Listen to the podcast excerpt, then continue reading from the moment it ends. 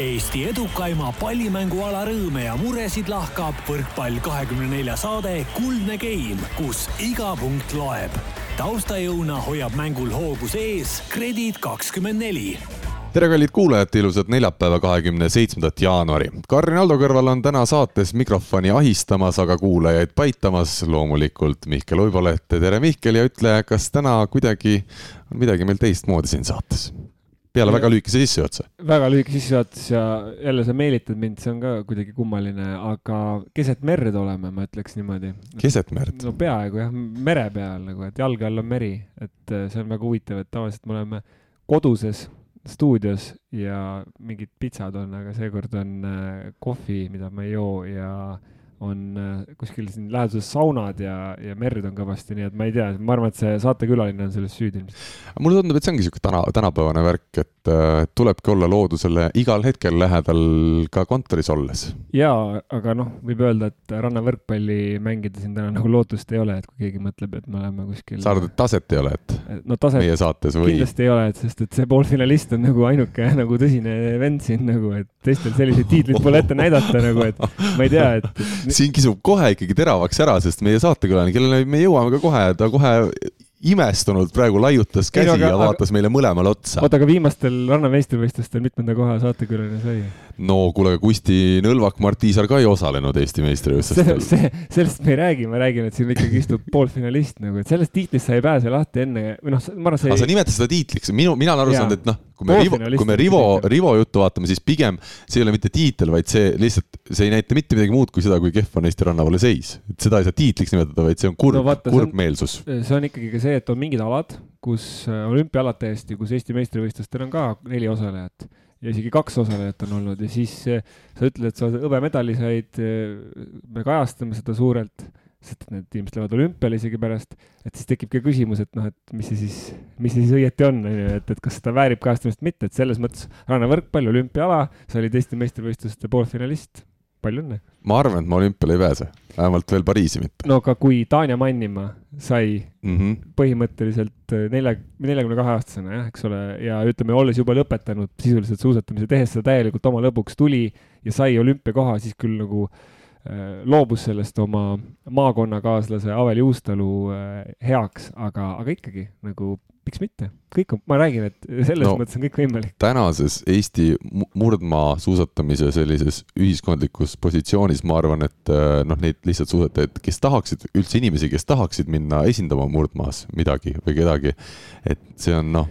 see on teine teema lihtsalt. praegusel ajal on ka lisaks veel võimalus see, et kui keegi jääb koroonaviirusega haigeks kahjuks, siis ta ei saa olümpiale sõita, on vaja näiteks varuvõistlejaid noh, et kui näiteks rannavõrkpallis tekib ka see, et ütleme, Kusti ja Mart saavad olümpiapääsme mm, -hmm. eh, siis selgub, et noh, nad ei saa minna viimasel hetkel, mis iganes põhjusel on vaja varu, varuvõistlejaid on ju, siis võetakse Eesti meistrivõistluste järgi äh,. Arak äh, loobub, sest et noh, ta on lihtsalt juba noh, liiga vana, nii nagu Tanja Mannimaa loobus, eks ole. -hmm. ja mhm. siis võetaksegi järgmisena sina. ahah et teised kõik unustatakse ära ja vaadatakse neljanda koha poole kohe. no noh, kellel on sul töö, eks ole, sul on niisugune töö, mis võimaldab ka paindlikult äh, jaa nagu, ja olümpial oleks hea kajastama ka minna. jah,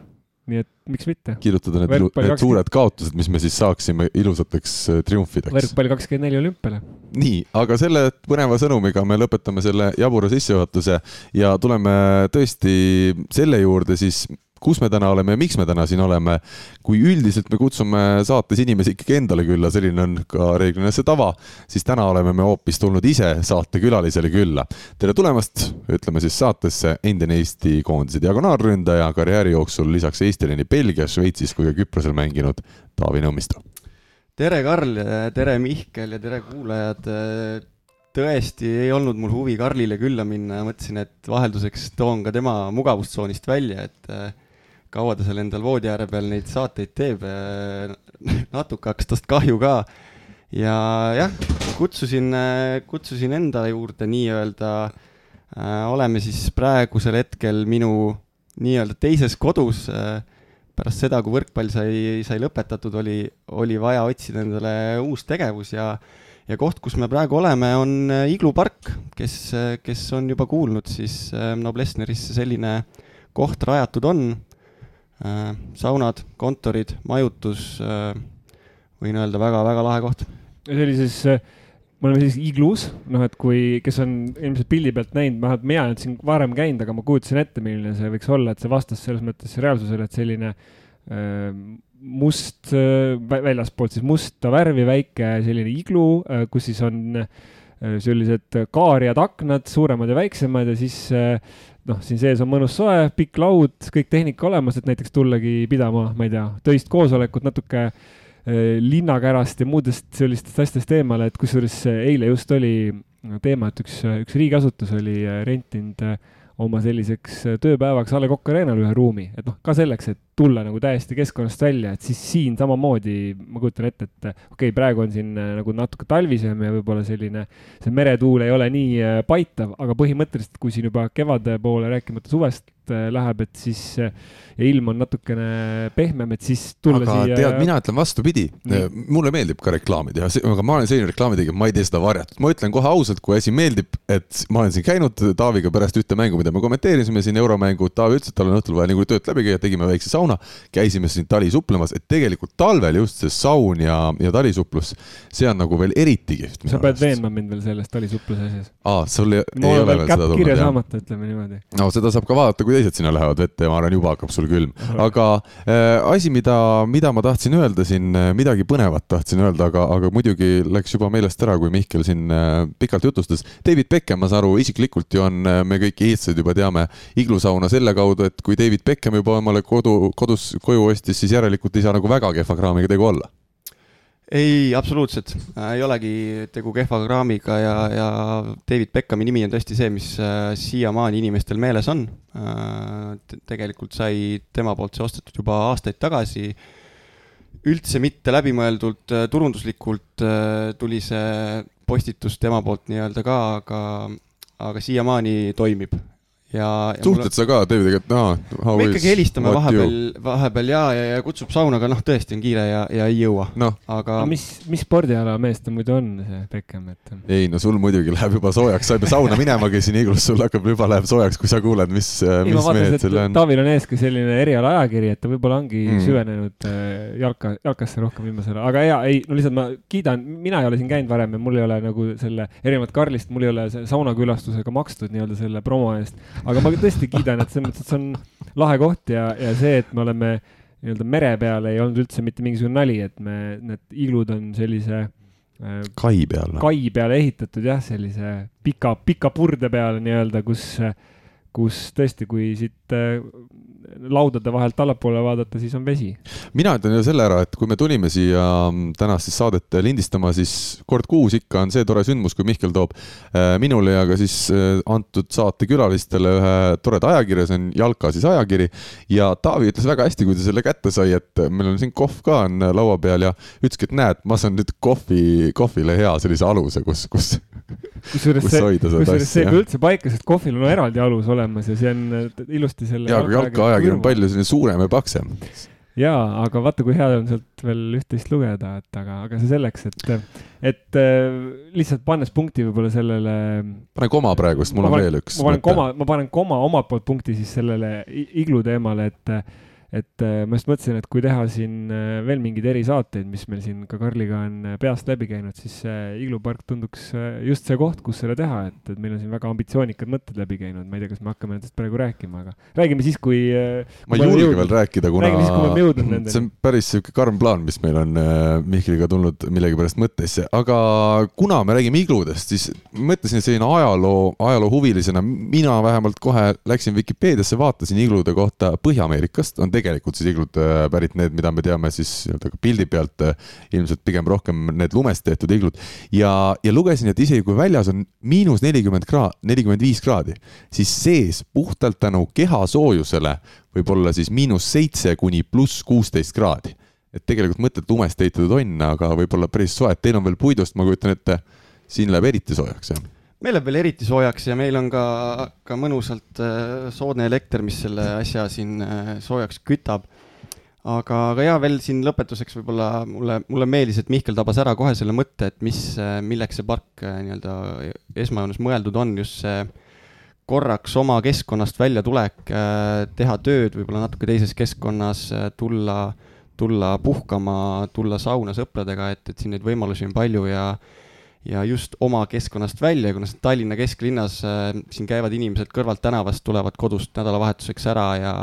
viie minutiga oled sa kodus tagasi oma igapäevarutiinis nii-öelda, et äh, et tõesti, tõesti mugav ja, ja hea võimalus. ma üldse ei imesta, kui praegu inimesed, kes on meie saadet täna kuulanud, siis kümmekond minutit on juba pannud auto sooja, mantli selga ja samal ajal, kui nad kuulavad seda, mida me siin eh, siis räägime, on juba asunud teele Noblessneri sadama poole, et, et ka ise ära proovida, aga sa, Mihkel, mainisid, et A Le Coq Arena'l, meie suurimal jalgpallistaadionil käivad ka inimesed või, või töökollektiivid, kas siis järgmine peatuspaik, ma ei ole kutset saanud, ma ei ole, võib-olla mul ei ole postkasti tulnud, aga sa veel ei ole vaadanud, ma just saatsin sulle meili, et eh, palun salvestame järgmise. kas eri... vaatega siis staadionile saaks teha, jah? erisaate salvestame siis seal, et mm. Eh, siis peaks mõtlema äkki veel mõne jalgpalliinimese, kes oskab võrkpallist rääkida, et äkki leiame mõne. et noh, et. ma ei, mul ei tulnud ühtegi sa ütlesid veel mõne, aga mul ei tulnud isegi ühte meelde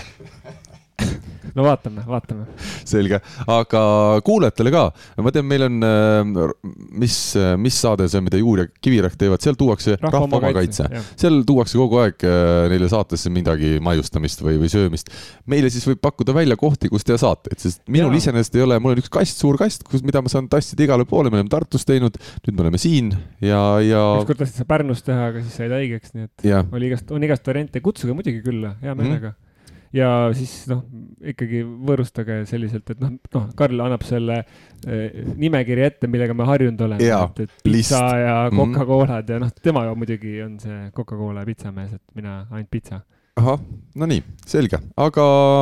eh, kõrvaklappidesse minul vähemalt kostub, et tänase saate peakohtunik on astunud viimaks pukki ja see tähendab, et kõlab Avavile sümfoonia, nii et võtame ette tänases saates esimese teema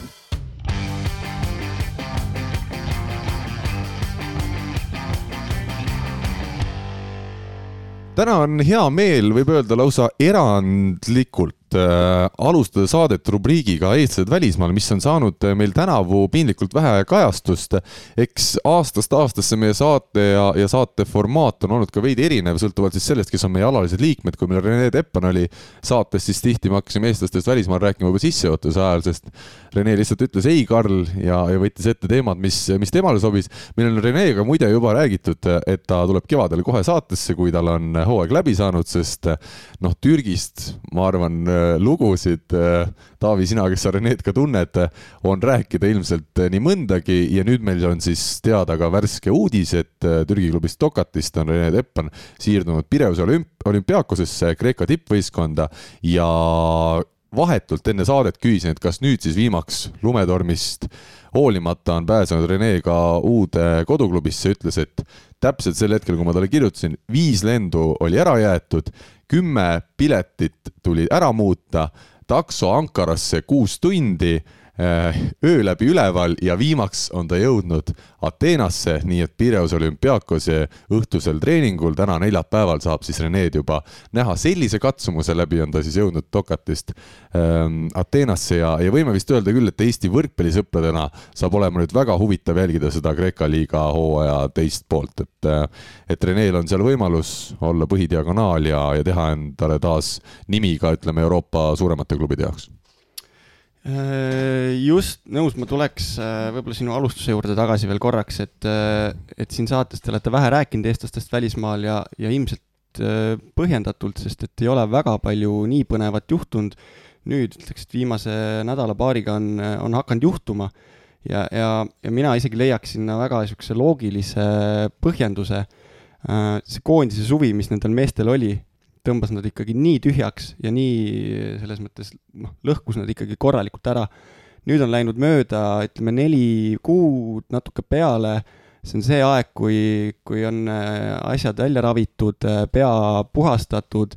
jälle saanud äh, võib-olla keskenduda täiega vormi kogumisele. ja, ja me näeme, kuidas äh,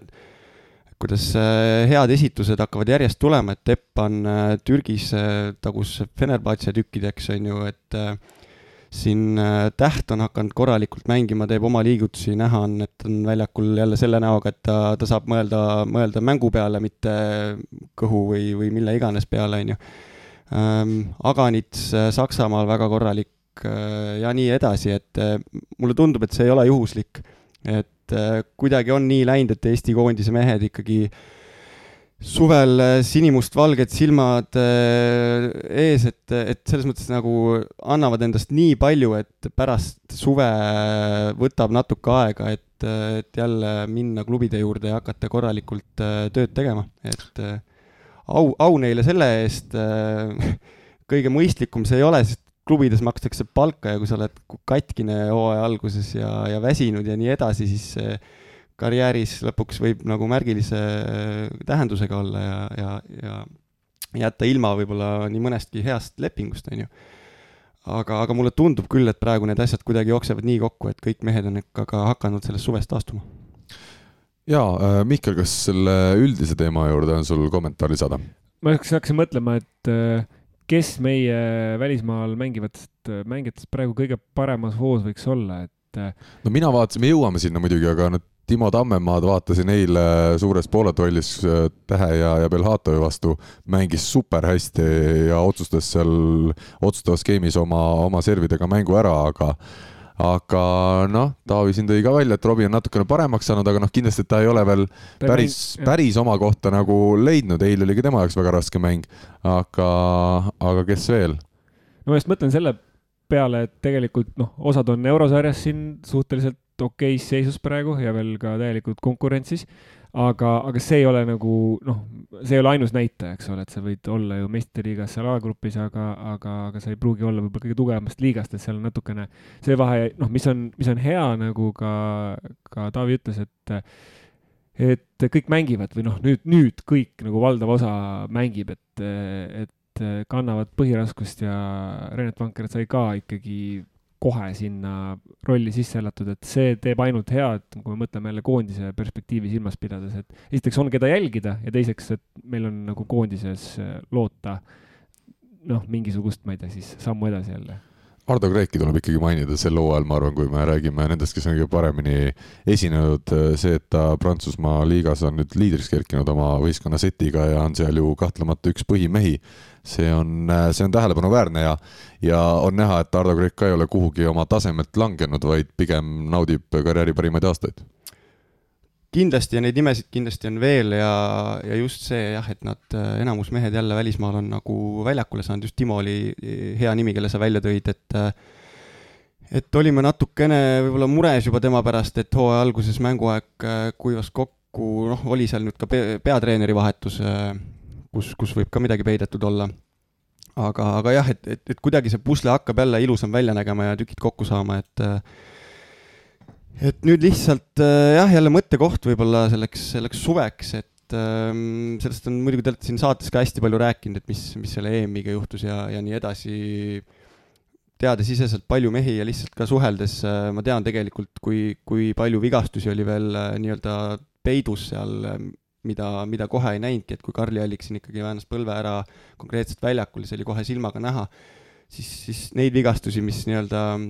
valuvaigistitega korraks äh, ära maandati, neid oli ikkagi meestel väga palju. ja see ei olnud juhuslik ja ei olnud juhuslik minu arvates ka see, see Gert Toobali äh, vigastus äh,, Robbie vigastus ausalt öeldes ma arvan, et ka Karli vigastus ei olnud nii-öelda õnnetu maandumine, vaid mina nii-öelda, nii palju, kui ma Karli mänge olen näinud, ta maandub iga mäng kümme, kümme korda niimoodi kukerpallitab ja möllab seal, et et ma arvan, et mitte ma ei arva, vaid ma tean, et nendele meestele sai see suvi natuke palju koormust ja, ja lihtsalt, lihtsalt nii on, et kahjuks peab ikkagi peatreeneritele ja, ja ka teistele treeneritele ikkagi vahepeal meelde tuletama, et neid mehi ei saa nii-öelda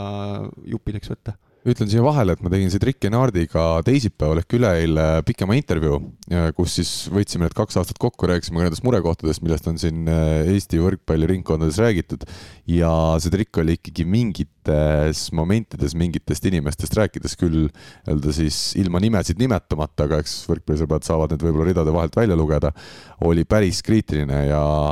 ja selle intervjuu proovime siin lähipäevil ka valmis kirjutada, et, äh, et ma arvan, siis järgmises saates me saame sellest natukene põhjalikumalt rääkida. okei okay,, kriitiline siis ikkagi selles suhtes, et see, mis tema ette pani, oli professionaalne ja see, mida teised tegid, ei olnud professionaalne. ütleme, omavahelisest suhtlusest oli seal jutt okay. puhtalt okay.. mul, mul tekkis see küsimus just nagu äh, Taavi tõi siin selle mängu enne selle klubi versus koondise, me natuke rääkisime sellest, kas üle-eelmises saates ka just nagu treeneri koha pealt rääkisime selles osas, et, et pühendumine, et kui sa oled klubitreener olnud täielikult, et palju sa jõuad koondisele anda, aga noh, tegelikult mängijatega on ju nagu sarnane. ja eks vanuse noh, kasvades on ka see, et okei okay,, siin Allik on äh, kakskümmend viis äh, umbes täpselt vist ja, ja seal, aga samal ajal noh, Ardo Kreek on juba üle kolmekümne viie, siis äh, või sinnakanti vähemalt, eks ole, siis noh, see, kes veel täht hakkab kolmekümnele vaikselt liginema, et, et sa, seal on ka, sa ei pruugi nagu noh, see on, see on aeg, kus tegelikult mõned mängijad teevad selle valiku, et ma mängin ainult klubi eest, et ma ei, ma ei saa seda koondise suve alati kaasa teha ja siin on ju noh, ka Eestis näiteid, kes on võtnud neid pause küll erinevatel põhjustel et kas... seesama Ardo Kreek võttis tegelikult ju aasta varem, kui ei olnud koondises suuri mänge, võttis pausi ja ja kes teab, võib-olla tänu sellele ta on täna Prantsusmaal heas hoos. ja, või noh, Juhkami on siin olnud see, kes on pause võtnud või või veel siin äh, Saaremaa mehigi on olnud äh, seal äh, mitmeid, aga, aga lihtsalt ma mõtlen, et, et Taavi, kes on nagu mänginud mõlemat, on ju, klubi, klubi ja koondist, et palju see noh, et, et seal tekib ka, Alar Rikberg ütles, et tegelikult suvel tekib see mingisugune paus ka selle koondise laagri või koondise perioodi sees. aga noh, ma ei tea, sina, sina nagu mängijana, kuidas, kuidas sa tundsid, et kui sa olid selles nagu täistsüklis, ütleme, koondis, klubi täistsüklisse muidugi. No, kontekstist no, välja võtta no.. no aga me ei võta konteksti välja, meil on võrkpallisaade. aga no me saame aru, onju, et, et, et see on, et sa, sa ei saa, sa ei saa nagu puhata, et sa käid mõlemad tsüklid nagu läbi, nii, nii täielikult klubitsükli kui ka koondise tsüklid, et kas siis noh, et kas sul ei tekkinud nagu mõtet, et, et seda on nagu liiga palju või, või, või, või, või on see ikkagi see koondise keskkonnavahetus nagu piisav, sest noh, kuskil peab ka nagu see sportlane ju nii-öelda vaimu ja, ja ka füüsise tühjaks laskma nii-öelda jaa, minul on neid tsükleid tegelikult vähe olnud, kus ma olen nagu kõik suved, kõik äh, klubihooajad olnud, on ju, aga, aga jaa, ma, ma sellest mõttest saan aru ja, ja sarnaseid asju mul isegi tegelikult nooremana võib-olla on rohkem olnud, kus olid noortekoondiste laagrid, oli, oli Audentes, kus tulid veel suvellaagrid ja, ja nii edasi, kus juba tegelikult noorena ei olnud väga palju puhkust. Äh, treeningtundide arv võis seal samamoodi olla päris, päris suur Äh, koondise meestel loomulikult nad alati ütlevad, kui nad koondisse lähevad, et mõnus see keskkonnavahetus on tore, aga, aga ega su keha sellest äh, aru ei saa, et sul on kõrval äh, sõber ja sul on toredam, et hüpete arv on ikkagi sama, sa lähed trenni, sa ei mõtle sellele, et et ma nüüd teen natuke võib-olla kergemalt või midagi, et, et seal, seal pannakse kogu aeg täiega ja see on loogiline, et see ei ole nagu jätkusuutlik, et eriti Eesti koondises ütlen, kui, kui sul on valik mingite kohtade pealt nagu väike, siis sa pead seda arvestama ma saan aru, tuleb uus treener, temal on oma tõestamiskoht, tema tahab näidata, et tal on teadmisi, oskusi, panna treeningtunnid peale, võtta meestest välja maksimum koondises nii-öelda, mehed lähevad klubisse, klubitreener tahab maksimumi välja võtta, sest nad on nii-öelda tööriistad peatreeneri jaoks. mulle tundub, et natuke see, see suvi juhtuski, et, et peatreener äh, tahtiski tulemust saavutada, tema toodi siia, tal oli vaja näidata ja, ja, ja nii ta tegi, on ju, et ja kui Karl hakkas sellest intervjuust rääkima, see suhtluse pool, siis äh, mina sain olla temaga koos siis selle esimese suve, mis oli natuke võib-olla teistmoodi suvi koroona pärast. ja see kuu, üle kuu aja, mis me olime, äh, ma olen ka treenereid väga palju erinevaid näinud, mul on endal mingid asjad, mis mulle, mulle meeldivad treenerite juures ja loomulikult kõigil on omad nägemused tal oli väga palju plusse, aga just üks pool, mis ma ütleks, et äh, jäigi tal, äh, tema poolt just äh, võib-olla vajaka, oli just see, kuidas ta alguses tuli ja kui palju tema ise suhtles. et, et esimesed paar nädalat ta pärast ka põhjendas seda, et ta tahtiski meid jälgida, lasi rohkem toimetada võib-olla teistel treeneritel, aga seal paari nädalaga oli tekkinud minul vähemalt juba nagu selline arusaamatus, et, et ma tahaks just hästi palju saada algul infot, mis on tema ideed, et siis tekiks kindlus, et jah, ma tean, et ta mõtleb kõikide nende asjade peale, ma saan teda usaldada, ma ei pea ise kaasa mõtlema, et kas see harjutus, kas see taktikaline käik on meile kõige otstarbekam, kõige mõistlikum, vaid ma usaldan teda ja ma teen neid asju juba nii-öelda pimesi. et äh, mitu nädalat väga palju infot sealt ei tulnud, seal oli väiksed taktikalised koosolekud, videod, on ju, aga, aga mina ootaks just uuelt treenerilt esimestel nädalatel seda nii-öelda infoga üle, üle küllastamist, et et siis tekiks meestel see arusaamine, okei okay,, et ta, ta teab neid asju, ta mõtleb pisidetailide peale, ma saan teda usaldada ja, ja me teeme õiget asja. et minul jäi see küsimärk õhku. aga samas, mida mina olen ka aru saanud, kui me vaatame seda algust, ma arvan, seda võib nimetada katastroofiks, sest seal alguses kohe ju Pupart läks minema treeninglaagrist, kui me räägime seda esimest suve Nardi käe all. Toobal jättis poolele, kuna ei jõudnud seal, nõuti, et ta käiks kõikides treenides kaasas oma äsja sündinud kaksikute kõrvalt, aga, aga see ei olnud variant, et see tundus tõesti kohutav. samas, kui me vaatame, kuhu jõudis, ütleme mm, suhtluse pool EM-i lõpuks, siis mina ikkagi saan aru ja ta ka ise ütles selles intervjuus, et äh, üheksakümmend kuni üheksakümmend viis protsenti mängijatest on sellised, kellest tal oli väga hea mälestus, kellega ta sai väga hästi koostööd teha ja kelle kohta tal ei ole ühtegi halba sõna öelda, et võib-olla ta läkski natukene aega, et, et meeskonnaga ennast äh, siduda. Jaa, võib-olla tõesti, eks see suhtluse pool seal mingite mängijatega jäi ka mängijate poolt äh, puudulikuks, aga aga see esiteks, see esimene suvi oli üldse selline, kus äh, noh, midagi hullu ei juhtunud, kui sealt need mehed puudu olid. Äh, teiseks, iga, mina võin ka olla koondise peatreener, kui kõik tipud on vormis ja kohal. Äh, see ei ole probleem. Äh, vajalik on see, et, et ka see kahekümne neljas mees seal nimekirjas oleks asjadega kursis ja, ja treenitud ja teaks süsteeme, on ju. et, et minu arust see suvi oli väga hea, et, et, et seda teha, see esimene suvi ma eeldan, et kui Eesti koondisele tuleb peatreener, siis see üks tingimus on see, et ta peab tegelema noortega ja, ja noori koondisega kaasama. ma arvan, et ka Enardiga oli see tingimus äh, läbi räägitud, et, et see ei oleks tohtinud olla talle üllatus. jah, äh, nii-öelda toetuse mõttes võistkonna sees loomulikult sellised vanad mehed nagu, nagu Toobil ja ja Pupart on, on väga vajalikud, aga, aga ma ei ütle, et midagi hullu nüüd juhtus, kui neid see suvi seal ei olnud, et et jah, täpselt nagu ma ütlesin, et, et kui kõik tipud on kohal, et võib, võib seal ükskõik kes treener olla ja eks siin võib-olla selles koormuse mõttes on küsimus ka selles, et äh, mis tasemel koondis mängib ja mis on see ambitsioon, et tegelikult kui me võtame noh, ma ei tea, mingi viimased kümme aastat, siis äh, Eesti meeste koondise mängude arv on kõvasti kasvanud aastas, sest äh, lisaks valiksarjale on ju ka veel see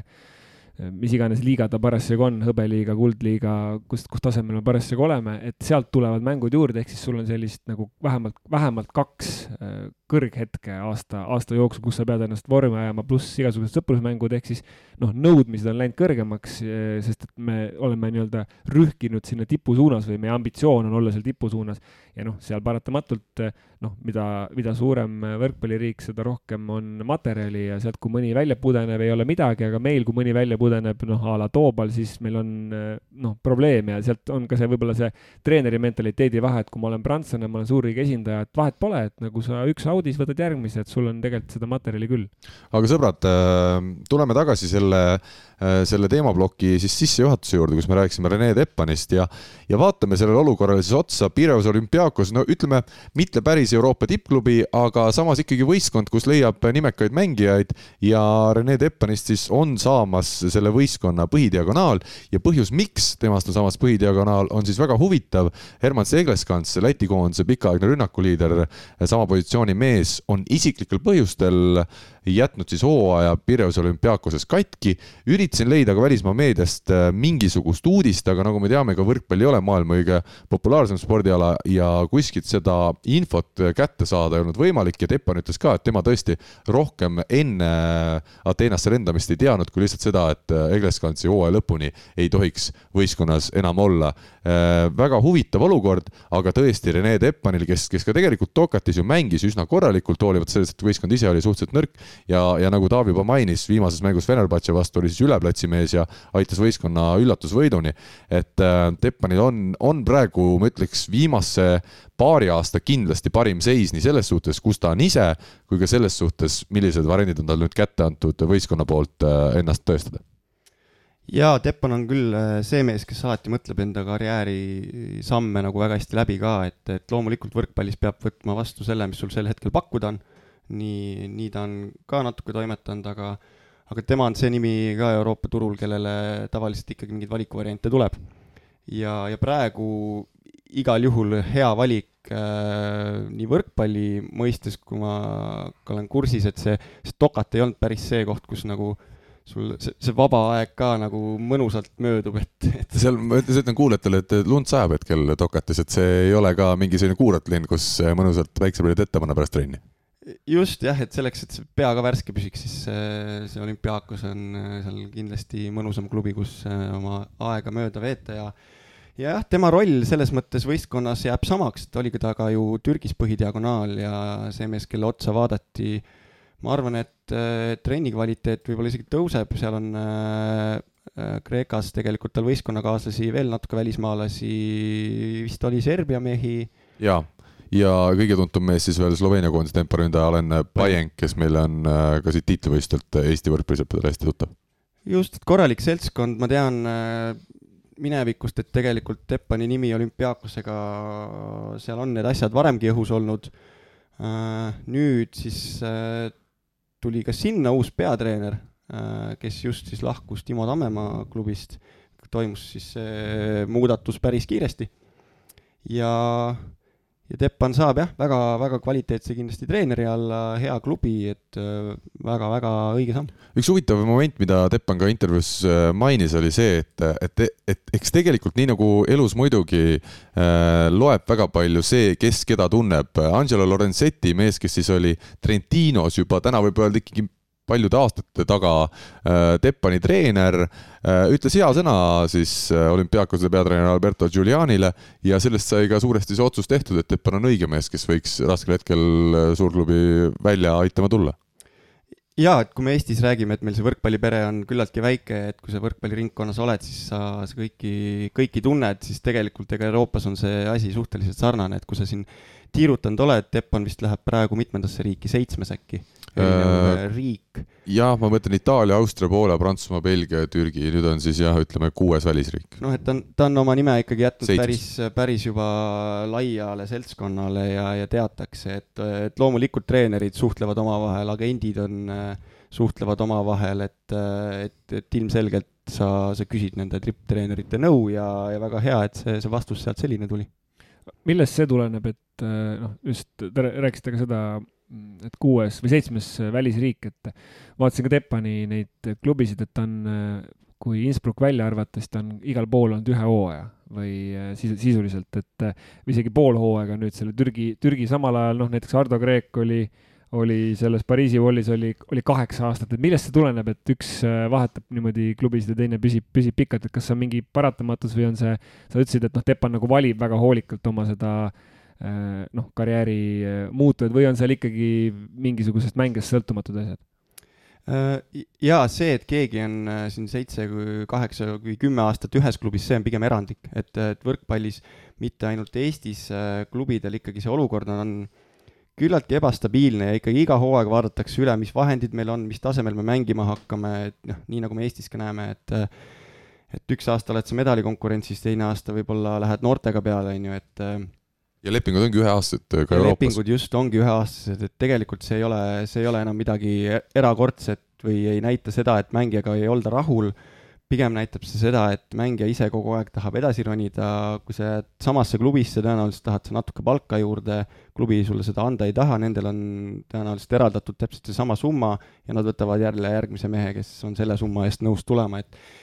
et nii see, nii see ring seal võrkpallis käib ja need üheaastased lepingud ja klubivahetused on tõesti äh, täiesti tavaline praktika, et ei, ei maksa jah arvata, et kuidagi ei olda rahul või, või midagi sellepärast, et äh, et pigem võrkpallis jah, tuleb vaadata neid mängijaid, kes on mänginud ühe hooaja jooksul võib-olla kolmes klubis, et, et tervitus Jaanus Nõmsalule jah, et, et siis on võib-olla tekib küsimärk, et, et aga, aga neid mängijaid on ka palju, kes, kes suudavad ka sellist, sellist asja tekitada. mingis mõttes on see mängija jaoks natuke sihuke ebakindel olukord, klubi vaatab ilmselt selliselt, okei okay,, et mängijad peavad ennast tõestama, aga need lepingud on sellised, mis noh, lähevad klubihooaja algusest klubihooaja lõppu, ehk siis tegelikult suvel on mängija töötu või? jah, üldiselt küll, et ei ole sellist äh, kaheteistkuulist lepingut, et äh, kaheksa kuud, maksimum kümme, võib-olla isegi lühem, et see on juba sõltub klubist, et ja, ja riigist, et kuidas need tingimused on, aga need on lühikesed. ma pean vahele ütlema, ka Türgis on tihti noh, terve hooaja mängida, aga võib-olla viis kuud on siis see, mille eest raha saab ja, ja ei noh, siis ehk siis sa pead tegelikult selle seitsme, kaheksa või üheksa kuuga teenima selle, selliselt, et sa pead suve vastu, et kui sa otsid endale uut klubi. sellepärast öeldaksegi aastapalk minu arust võrkpallis. võrkpallis ei räägitagi kuupalgast, et räägitakse hooajapalgast, et äh, siis teed sa oma arvutused ise ja, ja see on see, millest, millest kogu aeg jutt on. kas oskavad, Taavi, sa oled ikkagi võrkpalluritega vähemalt Eestis ju hästi kõigiga sina peal, kas oskavad äh, tänapäeva võrkpallurid äh, sedasama arvutust teha, et neil suvekuudel on ka ilusasti raha ja, ja pannakse isegi natukene ütleme kõrvale, et, et kui ka sügisel kohe ei tule väga head pakkumist, siis, siis suudetakse hakkama saada sa muigad natukene. tead, enamus võrkpalluritel on see arvutus väga lihtne, lihtsalt ei jää midagi järgi ei olegi midagi arvutada mm. väga palju ei, nali naljaks, muidugi need, kes ikkagi välismaal mängivad, äh, ma arvan, et need on sisse arvestanud selle, et suvel noh, ei, ei peaks midagi tegema, aga aga jaa, loomulikult see ebakindlus, äh, kui see palganumber ei ole nagu selline, kus sa, sa ennast nagu väga mugavalt tunned, on, on suur, et sa pead uue klubi leidma ja, ja mingi hetk hakkama jälle, jälle teenima, on ju, et et ma olen ise seda ju, ju pikalt teinud, et minu palganumbrid ei ole olnud äh, kuuekohalised, et, et ma, et ma praegu siin äh, kala, kalamajas kinnisvara kokku ostaks, on ju, et äh, et, et oligi täpselt see võib-olla level, et ma käisin küll välismaal, teenisin äh, nii, et äh, oligi mõnus suvel, said äh, perega aega veeta ja, ja, ja oli tore, et ei pidanud võib-olla kohe, kohe rapsima, et tööd otsida. Aga, aga kui uus hooaeg hakkab, et siis sa ikkagi pead nagu teadma, et sul, sul uus klubi ikkagi on olemas aga minu arust jah, see raha on ikkagi otseses seoses sellega, miks on võrkpallis väga palju üheaastaseid lepinguid, vaatame, kui me võtame suured spordialad jalgpallis, tihti väga pikad lepingud ja ka no, näiteks siin praegu Märten Kuusk läks äh, Florast äh, siis äh, Ungari kõrgliigasse, sõlmis kolme poole aastase lepingu mm -hmm. näiteks. ja kolm pool aastat ei ole mingi, ütleme, ka super eriline nähtus, eks ole? see ei ole jah, noh, tavaliselt jah, kaks aastat on niisugune miinimum, mis, kui sa juba ostad mänge, aga pigem jah, niisugune kolm-neli, jah teine asi on siis see, et ütleme korvpall, kus on raha oluliselt vähem kui jalgpallis, seal on ka ikkagi mängijad, äh, paljud mängivad mitu hooaega järjest ühes võistkonnas, siis me võtame võrkpalli, kus ongi maailma mõned tippklubid, noh,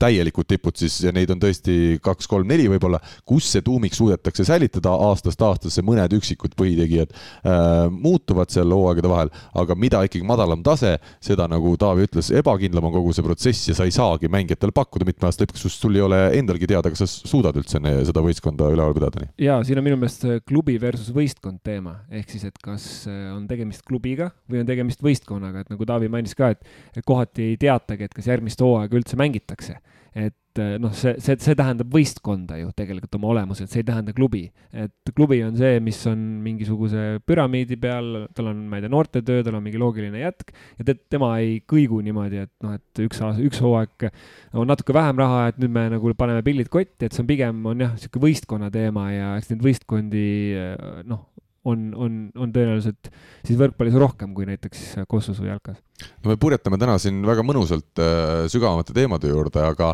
kui me nüüd tuleme Teppani teema lõpetuseks äh, Kreeka liiga juurde, siis hetkel ikkagi tabeliseis väga huvitav. kolm suurklubi seal on, Panathinaikos, Paok ja Olümpiakos. Panathinaikosel siis kümne vooru järel kakskümmend seitse punkti, Paokil kakskümmend viis punkti, Olümpiakosel kakskümmend neli punkti. mida sain juba ka Teppanilt teada, oli see siis, et, äh, et Olümpiakos pidi mängima sellesama Jannis Kalmasiidise Saaremaa võrkpalliklubi eelmise peatreeneri juhendatava Paukiga reedel ehk homme, aga Olümpiakos on suur klubi ja mäng on tänaseks siis määratud esmaspäevale, nii et jõuaks ka Teppan mõne hea mängu või, või trenni teha võistkonna ridades. täpsemat infot, miks see mäng on edasi lükatud või kuidas seda õnnestus edasi lükata, seda ka Teppan ei osanud veel selgitada, aga tal oli kahtlemata hea, hea meel, et ta jõuab ikkagi natuk-, natukene ka kohaneda jah, Kreekas ei pea alati kõiki asju loogiliselt põhjendama, sama mentaliteet oli ka Küprosel ja, ja need protsessid seal on vahepeal väga suurte küsimärkidega. aga meie vaatame edasi siis, mis on rõõmusõnum ikkagi Eesti võrkpallil laiemalt, on see, et Renat Vanker kellest äh, me oleme rääkinud siin juba mitu hooaega, et kes välismaale pidanuks minema, lõpuks ta läks ja eile õhtul siis meistrite liigas tegi ka debüüdi äh, Maassegi Greenyardi ridades, küll kiire kaotus Moskva Dünamole, tuli võõrsil null kolm ja ei saanud üheski skeemis kahtekümmet punkti täis Maassik, aga noh, seda oli ilmselt ka eeldada, kui me vaatame, et Sokolovi-sugused mehed olid algkoosseisus, mängisid terve mängu äh, Moskva ridades ja, ja noh, Renet, olgugi et meie hindame teda seda ja, ja loodame parimat tulevikuks, siis kahtlemata sellisel tasemel mängija sarnaselt teistele Maaseigi meestele ei ole, et, et seal võinuks seda väga põnevaks ilmselt mängu ajada. Ja, ja Renet oli siis algkoosseisus ka, olgu seegi öeldud. Ilmselt kõigil oli see, see lõpptulemus ette teada, aga õnneks see Maassik on selline klubi, nad teavad, et meistrite liigas nad on nii-öelda väike klubi, seal ei ole mingeid pingeid peal tulemuse osas, et äh, kui alagrupist peaks edasi saama, mingid aastad saadakse, mingid aastad ei saa, see on ainult boonus, tuleb jälle üks äh, võistkond sinna, sinna Belgia väikelinna kohale ja, ja see on võrkpallipidu seal saalis. et, et selles suhtes Renet sai super õigesse klubisse, kus see, kus see algus välismaal teha seda enam, et ta saab seal mänguaega kohe, tal on äh, teine eestlane seal veel kõrval, et äh, et see teeb võib-olla asja, asja noorele mehele lihtsamaks. Ähm, jah, eilne, eilne mäng, nagu ma ütlesin, see, see Moskvaga ei, ega seal ei olegi, ei olegi midagi rääkida, et et läks, läks kahjuks väga loogiliselt nii, aga kohe proovime siis, kas me saame Renetiga liinile, praegu peaks olema Moskvas lennujaamas, et alustada reisi tagasi Kesk-Euroopasse nii, ja tundub, et ühendus on saavutatud. Renet, tere sulle ja ütle siis täpsemalt ka, millises lennujaamas hetkel peatud ja, ja millist lendu ootad? Ootan Düsseldorfi lendu ja kui ma nüüd õigesti loen selle sõna välja, siis Šeremetjevo. Šeremetjevo lennujaam. no las las see jääda. Renet, esiteks debüüt on tehtud meistrite liigas, palju õnne võib ikkagi vist soovida noore mehe jaoks mängida maailma kõigi, kõige tugevamas äh, sarjas. see, see võib olla, ma eeldan ikkagi üks, üks unistusi, mille poole olid varasemalt juba tüürinud. Ja aitäh igal juhul, ei kindlasti see kogemus, mis ma sain, see oli üpris võimas mis siis? ma nägin nüüd ikka ära, milline see Vene plokk tegelikult on ja millise mulje siis äh, see kõik jättis, esimene mäng ja, ja vastane äh,? äge, äge, oskan öelda nii palju. et igal juhul võimas, aga natuke kripeldab ka, et ei, ei mänginud päris täpselt nii, nii hästi, kui ma oleksin lootnud ja soovinud mille taha siis jäi, kas esimene mäng ikkagi natukene oli veel närv sees või, või lihtsalt vastasvõistkond ei, ei lasknudki oma mängu teil mängida? ei olnud närvi, meil vastuvõtt oli korras, lihtsalt äh, rünnakul ei saanud palli maha. pigem oligi, oligi selle taga, ei saanud plokist jagu no sa said mängida sellise mehe nagu äh, Sokolovi vastu, Svetan äh, Sokolov, keda peetakse ikkagi diagonaalründajatest maailma üheks paremaks. sul seal taustal on muidugi kuulda ka sellist toredat vist venekeelset äh, lennujaama inf-, informaatorit, informaatorit, ma ei tea, kas on võimalik natukene kuskile alustatakse hetkel midagi. kas on võimalik kuhugi natukene eemale minna, aga, aga tegelikult me kuuleme sind ikkagi korralikult. millise mulje just Sokolov sulle, sulle jättis ja kas Eesti koondise ridades vist sina ei ole Sokoloviga varasemalt kokku puutunud? ei ole, ei ole. eks ta siukse kindla mulje jättis, et ta midagi erilist nagu meie vastu ei teinud. aga eks ta kindel mängumees ole. millises vormis on Lauri Kerminen? Millises vormis on Lauri Kerminen, Soome koondise libero, kes sai ka eile Moskva ridadest täismängukirja? no nagu näha, siis ma arvan, et ta on pigem heas vormis, kui enne mängu meil peatreener ütles, et igal juhul seda blondi meest seal teise särgiga vältige servida nagu sinna pange milline on nüüd üleüldine sinu seis äh, Maasseigis, äh, koht või võitlus sidemängijatest siis esinumbri koha eest käib, aga, aga anna natuke üle, ülevaade, me teame, et äh, vist äh, Maasseigi põhiline äh, või tähendab, kes võiks see põhiline sidemängija siis hetkel olla, kas see oledki sina või on see Liam McCluskey, kui on kõige tähtsamad mängud? no ma tahaks ikka ise olla ja praegu mulle tundub, et, et sinnapoole hakkab see minema ka. aga eks trennis on vaja veel kõvasti tööd teha kindlasti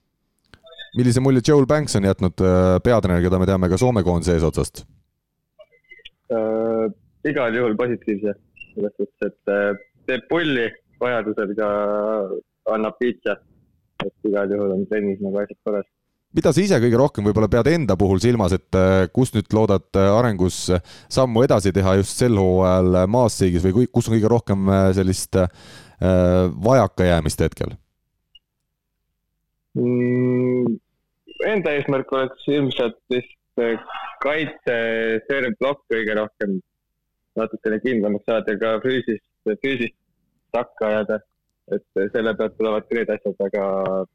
veel ka tõsta kindlamaks, stabiilsemaks, et siis, siis annab juba mängida küll kui palju sinuga Maasseigis ka sellist eritrenni tehakse või eratrenni, et, et seda tõstet just täpsemaks ja, ja võib-olla ka läbimõeldumaks veel muuta? Sellist äh, spetsiaalset trenni otseselt teinud ei ole eraldi, aga iga trenni alguses me siis sellisest kümme-viisteist minti selle ajast, kui teised sooja teevad, siis me laseme Liamiga rõngasse neid palle ja kõrvalt siis Joel vajadusel ütleb midagi ja annab mingi näpunäidu et iga trenni alguses me ikkagi, ikkagi harjutame üks asi veel, mida sa korra juba ka mainisid, on serv. sinu servi ei peeta, ütleme, väga tugevaks. ma mäletan siin ka äh, Selveri äh, mänedžer äh, ütles, et miks sa välismaale võib-olla ei ole saanud, ongi see, et, et tänasel päeval sellise serviga, nagu sinul on, väga, ütleme, tippklubides kerge hakkama saada ei ole. kas, kas olete või oled ka sellega nüüd seal teinud mingisugust sellist muudatust või, või keskendunud servile rohkem kui Tallinnas? eks ma jah, pean tõdema, et paras buss ole praegu, aga, aga ei, me oleme neid kordusi päris palju juba ellu viinud, et me oleme kõvasti rõhku pannud kiirusele praegu. et kiirust juurde saada servida, et oleks ohtlik, sest eile Dünamo vastu ei suutnud ma serviga midagi teha. no mul tuleb ja. meelde Eestis. jah lihtsalt kordusi on vaja teha, et see asi stabiilsemaks saada ja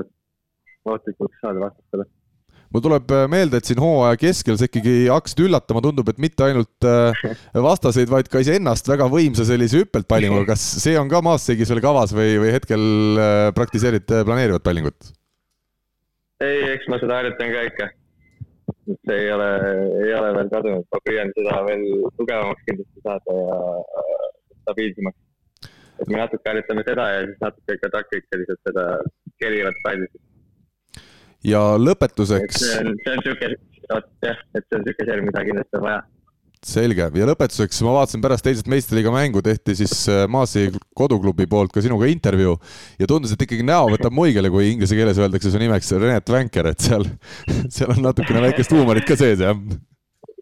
natuke ikka jah, et siin poisid klubis ka on juba seal omaks võtnud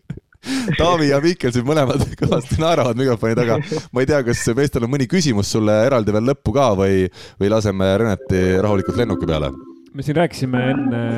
igasugustest, enne kui me sulle helistasime, rääkisime igasugustest lepingute pikkustest ja asjadest, et eh, kui pikk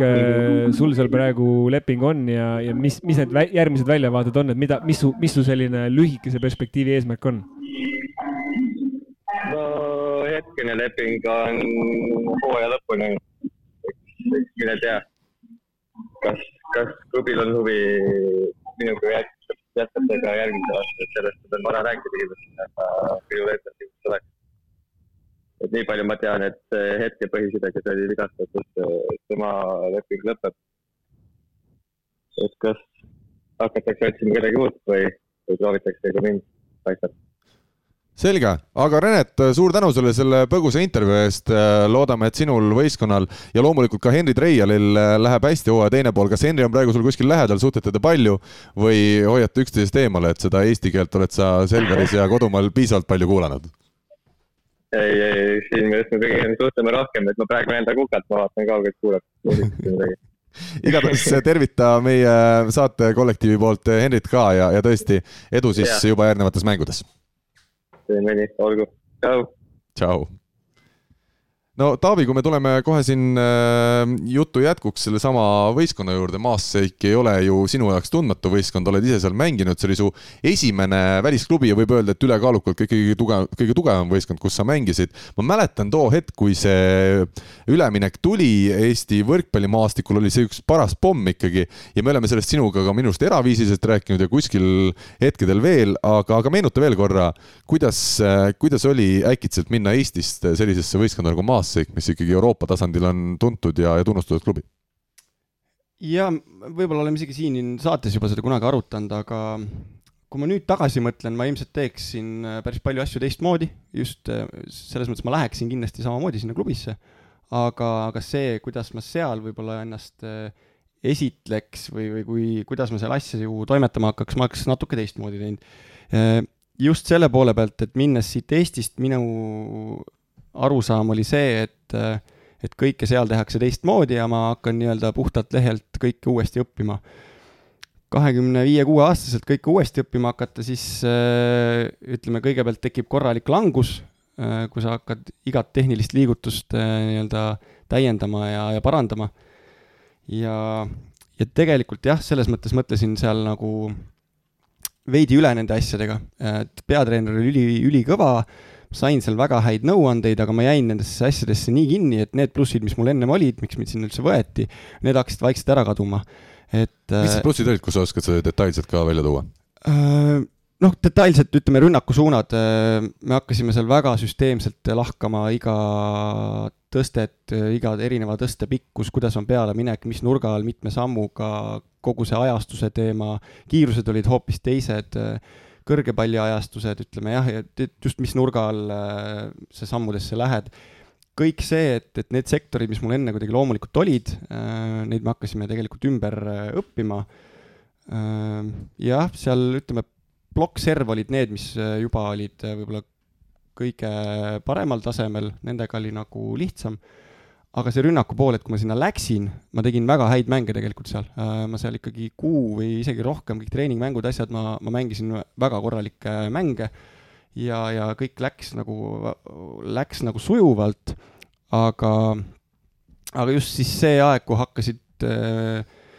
töötama need muudatused, mis tehti tehnikas, siis, siis see tõmbas mingiks hetkeks nagu selle mängu voolavuse täitsa, täitsa lukku ja sealt edasi siis äh, jah, väiksed mingid vigastused ja, ja nii edasi, et, et siis ma enam nii-öelda põhimeheks seal ei, ei saanud ja, ja mis oli ka täitsa normaalne, sest et tegelikult tõesti klubi, nagu sa ütlesid, äh, võrreldes sellega, kus ma enne olin mänginud, oli ikkagi hoopis teisest tasemest, et kohe ikkagi meistrite liiga klubisse, mängisime eelringi, saime alagrupi turniirile sarnaselt sellele, nagu räägivad praegu Renet ja, ja Treial äh,, olid ka minu vastased äh, Moskva äh, Äh, Türgi klubi Istanbul, BBSK äh, ja oli ka Poola tipp äh, Saksa Ketšetšin Kosle, kelle vastu ma siis sain ka oma ainsa meistrite liiga nii-öelda mängukogemuse päris, et et jah, pingi peal olin ma kõik mängud, aga reaalselt väljakul sai, sai nende vastu ka olla, et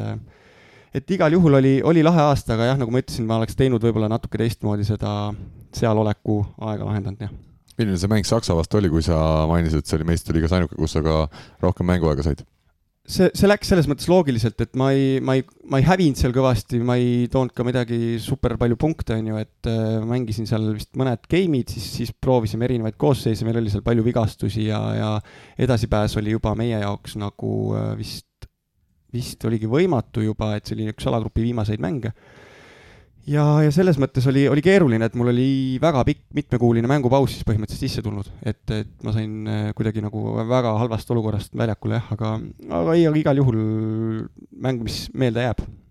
aga meelde jääb meile ka eile õhtune mäng siis kahe Eesti võrkpalluri koduklubi vahel. Poolas mängiti viimane üks kaheksandikfinaal kohtumine, kus siis vastamisi läksid Ržesov ja Seko Rezovia ja ja Belhatovi Skra ja Rezovia võitis selle mängu lõppkokkuvõttes pealtnäha päris kindlalt kolm-üks, kuigi seal tegelikult oli põnevaid hetki päris palju ja, ja võib-olla see lõppskoor ei, ei näita kõike, aga Timo Tammemaa tõesti tegi suurepärase mängu ja aitas siis Rezovia võiduni, oli algkoosseisus, sai täismängukirja, Robert Täht sekkus mitmel puhul vahetusest, Koi asemele ka mees, kes meile on siis Kesk-Euroopa mängijana tuttav varasemast ajast. Ja, ja no kohati tegi häid liigutusi Robbie, aga kokkuvõttes ikkagi ka lõpuhetkedel, kui, kui neljandas skeemis võistkond jäi kaotusseisu, võeti jälle täht välja, ei tulnud sealt selles neljandas skeemis väga palju õnnestumisi. võtame kõigepealt Tammemaa ette. no nii nagu me teame, meie temporündajad ikkagi see kolmik Tammemaa, Aganits, Kreek on olnud väga, väga võimas nii koondise tasandil kui ka suurtes koduklubides ja Tammemaa ikkagi tõestas, et ei ole midagi muutunud. Resolves, temal siis juba mitmes hooaeg käsil ja, ja mängib tõesti absoluutses maailma tipus ja mängib, mängib tõesti silmapaistvalt jaa, mina nägin seda mängu võib-olla natuke lünklikult ja, ja kohe aru ei saanudki, et Timo tegelikult nii head numbrit tegi, loomulikult mis silma jäi ja, ja positiivne märk oligi see lihtsalt, et Timo on juba väljakul, et, et kui me tükk aega ikkagi ootasime, et et, et millal, millal see juhtub, et siis, siis nüüd äh, loodame, et see, see muutub nii-öelda stabiilseks ja, ja püsivaks. Äh,. Robbie äh, nii-öelda selle võistkonna kaotuse pärast mina ka ei muretseks palju, et Robbie on selles äh, ringis sees, kes väljakul käib, ta on saanud teistes mängudes terveid mänge väga suurt rolli. et, et pärast seda pikka vigastustega võitlemist on see ikkagi kõige, kõige tähtsam ja kõige positiivsem, et, et jah, ma olen näinud mingeid teisi mänge, kus Robbie ikkagi teeb juba selliseid liigutusi, milleks ta võimeline on ja et seda on, seda on lust vaadata Äh, ja Robbie puhul muidugi alati on see, et näha on, kuidas ta silmis põleb, kui ta väljakule saab ja ja, ja võib-olla jällegi oli natuke ka eilses mängus näha seda üleüritamist, et äh, mingid sellised piirirünnakud plokist mööda tahtis nii teravalt keerata, et keeraski üle ja ja pall läks out'i, aga samas eks tipptasemel ongi plokk hästi ees ja ja need, äh, need kohad, kuhu palli annab lüüa, ongi väga-väga väikese maa-ala peal, et noh loodame, et, et Robert saab ka lõpuks oma, oma koha algkoosseisus või põhikoosseisus kätte, sest see Dick Coy, kellega ta seal ütleme, teised nurgamehe siis koha eest tundub hetkel võitleb, sest Milad Ebadipuur on ikkagi suhteliselt kindlalt vist seal põhikoosseisus sees ja tegi ka eile korraliku mängu. et, et see Dick Coy ei ole tegelikult mingi supereriline mees, et kui temal oli kuus punkti miinus neli efektiivsusnäitaja, siis Robert Tähel eile neli punkti ja miinus viis jaa, Koi ei ole selles mõttes püüdmatu mees Robbie jaoks, aga ma ei tea, mis on uue peatreeneri nii-öelda käekiri selles osas, palju talle meeldib mehi kasutada, aga täitsa võimalik, et neil tekib ikkagi hooaja lõpuni seesama rotatsioon, et need äh, nurgad jagatakse nende kolme välismaalase vahel ära, et äh, noh, sellega peab leppima, kui on võistkond nii tugev, nagu ta on ja pink on ka ülitugev, siis tõenäoliselt neid mehi ikkagi peab seal kasutama, et et peaasi, et Robbie on selles ringis sees ja, ja et see õnneks on, on see välismaalaste piirang ka praegu tema kasuks, et äh, nurgapositsioonil nad nagunii peavad kasutama välismaalaseid, et see talle mingeid takistusi ette ei pane. Aga Timo Tammemaa siis eile nelja game'iga kolmteist punkti, efektiivsusnäitaja pluss kümme tegi tõesti hea partii ja mis näitab võib-olla või mis oli kõige olulisem veel selle mängu peal, oli ikkagi see neljas game ja Timo Tammemaa serviseeria, tänu millele Rezove läks Belhatovil eest ära ja lõpuks siis selle neljanda game'i võitis lausa kakskümmend viis, kuusteist, tuletame meelde, et eile see oligi üks karikamäng, ühest mängust kõik sõltus, kes pääseb edasi, kes langeb välja ja esimese game'i oli Rezove kaotanud ja kolm järgnevat siis võitis. Äh, Timo Tammemaa puhul lisaks siis äh, servile, millest sai juba räägitud, oli ikkagi rünnakul ka väga palju sai tõsteid. Tšiška, kellega ta mitmendat hooaega koos mängib, sidemängija, tundub, et koostöö klapib küll. pealtnäha see resultatiivsuse protsent ei ole väga kõrge, viiskümmend kolm viieteistkümnest tõstest kaheksa lõi maha, aga tähtsatel hetkedel ikkagi ründas hästi ja, ja näha on, et sidemängija teda usaldab, lisaks siis Timolt ka mitu väärtuslikku plokki, nii et äh, Timo puhul küll hoiame pöidlaid pihus ja, ja loodame, et see selline mänguhooaeg saab äh, jätkuda, mänguhoog, aga võtame ette siit meie saates siis täna järgmise teema. kes võidab keda, kas sina oskad ennustada seda? spordiennustus portaalis Pahv, Pahv lööb pahviks. Ja nüüd siis äh, Pahvi ennustusmäng, Pahv meie hea toetaja Kredit kahekümne nelja kõrval. Ja noh, sai siin löödud kokku muidugi eelmise, eelmise nädala siis teod ja, ja minul pikalt midagi rääkida ei ole ennustasin, et äh, Liberetsi Tukla alistab siis Tšehhis Ustinad Laabeni, Mihkeni, Mihkeli lemmikklubi. aga ei, kaotati see mäng kaks-kolm, nii et minul kolmekümnest eurost jäi ase-, alles null ja langesin üldtabelis viiendale kohale. Mihkel sina sellesama mängu ennustasid Ustinad Laabemi võidu peale, tuli siis kolm-kaks võit ja, ja tuli sealt kasumit ja lisaks ka Lõuna-Koreas õnnestus sul üks ennustus täppi panna, nii et oled kerkinud nüüd kahesaja neljateistkümne euro pealt kahesaja kolmekümne seitsme euro peale ja oled Rivo Vesikust, meie tabeli liidrist maas vaid seitsme punktiga. sõprade võistkonda esindanud äh, Hanna Pevkur ennustas õigesti, et Danil Medvedjev võidab siis äh, äh, Austraalia lahtistel tennisemeistrivõistlustel Nick Kirgiost ja sõprade võistkond küll siiski veel selgelt, selgelt, selgelt viimasel kohal meie tabelis kaheksas, seitsmekümne kaheksa euroga, eelviimasest kohast Kristjan Kaisist jäädakse maha nüüd äh, siis üheksakümne kahe euroga. aga Taavi, sul on võimalus seda kõike parandada. Äh, anname esmalt kohe sõna sulle, millist, äh, millist panust siin uue nädala saabudes hetkel näed? jah, stardipositsioon on pehmelt öeldes kehv, aga, aga vaatame, teeme, mis suudame väga palju ennustamisega tegelenud ei ole, aga, aga paneks kokku sellise asja. Äh, võtame võrkpalli loomulikult, äh, lähipäevade kolm mängu, tänane üks naistemäng Hollandis, Utrecht võidab Flamingost,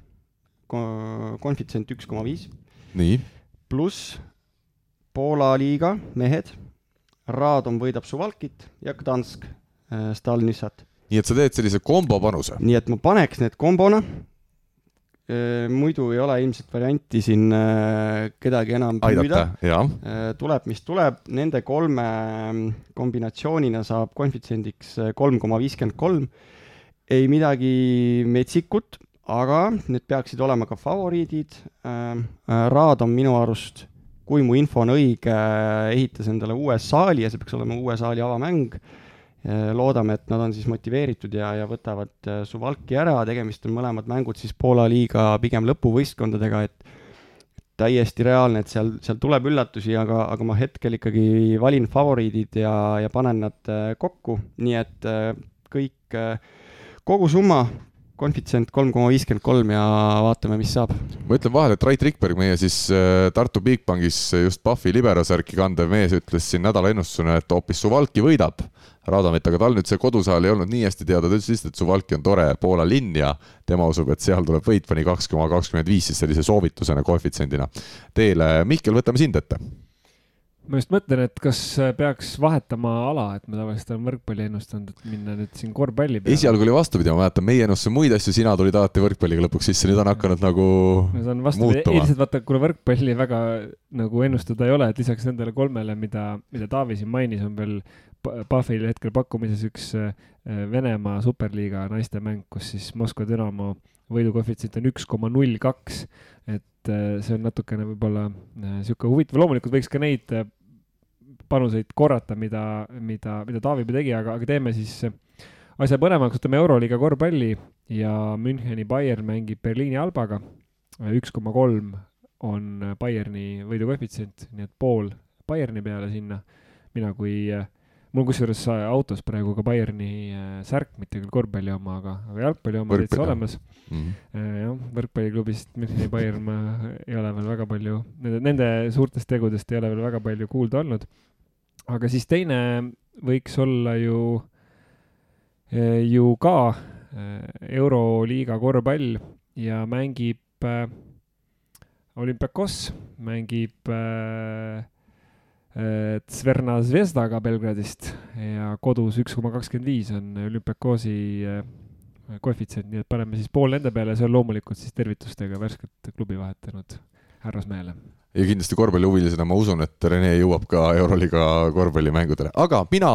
olen siin, on saanud tavaks, et kas kõik või mitte midagi, kolmkümmend eurot läheb selle peale, et Egiptus ja Mo Salah võidavad äh, siis Aafrika meistrivõistlustel jalgpallis Marokot, tegu peaks olema vist veerandfinaalmänguga. Ja kolm koma neli on Egiptuse äh, koefitsient, nii et loodame nüüd, et Liverpooli mm, staarründaja saab oma tööga kenasti hakkama ja ja toob siis kenad plusspunktid juurde, see mäng peaks olema pühapäeval, nii et kolmkümmend eurot sinna ja võimalik kohe kõvasti kerkida plussi ja ilmselt ka tabeli liidriks. aga meie võtame siit ette saate järgmise teema.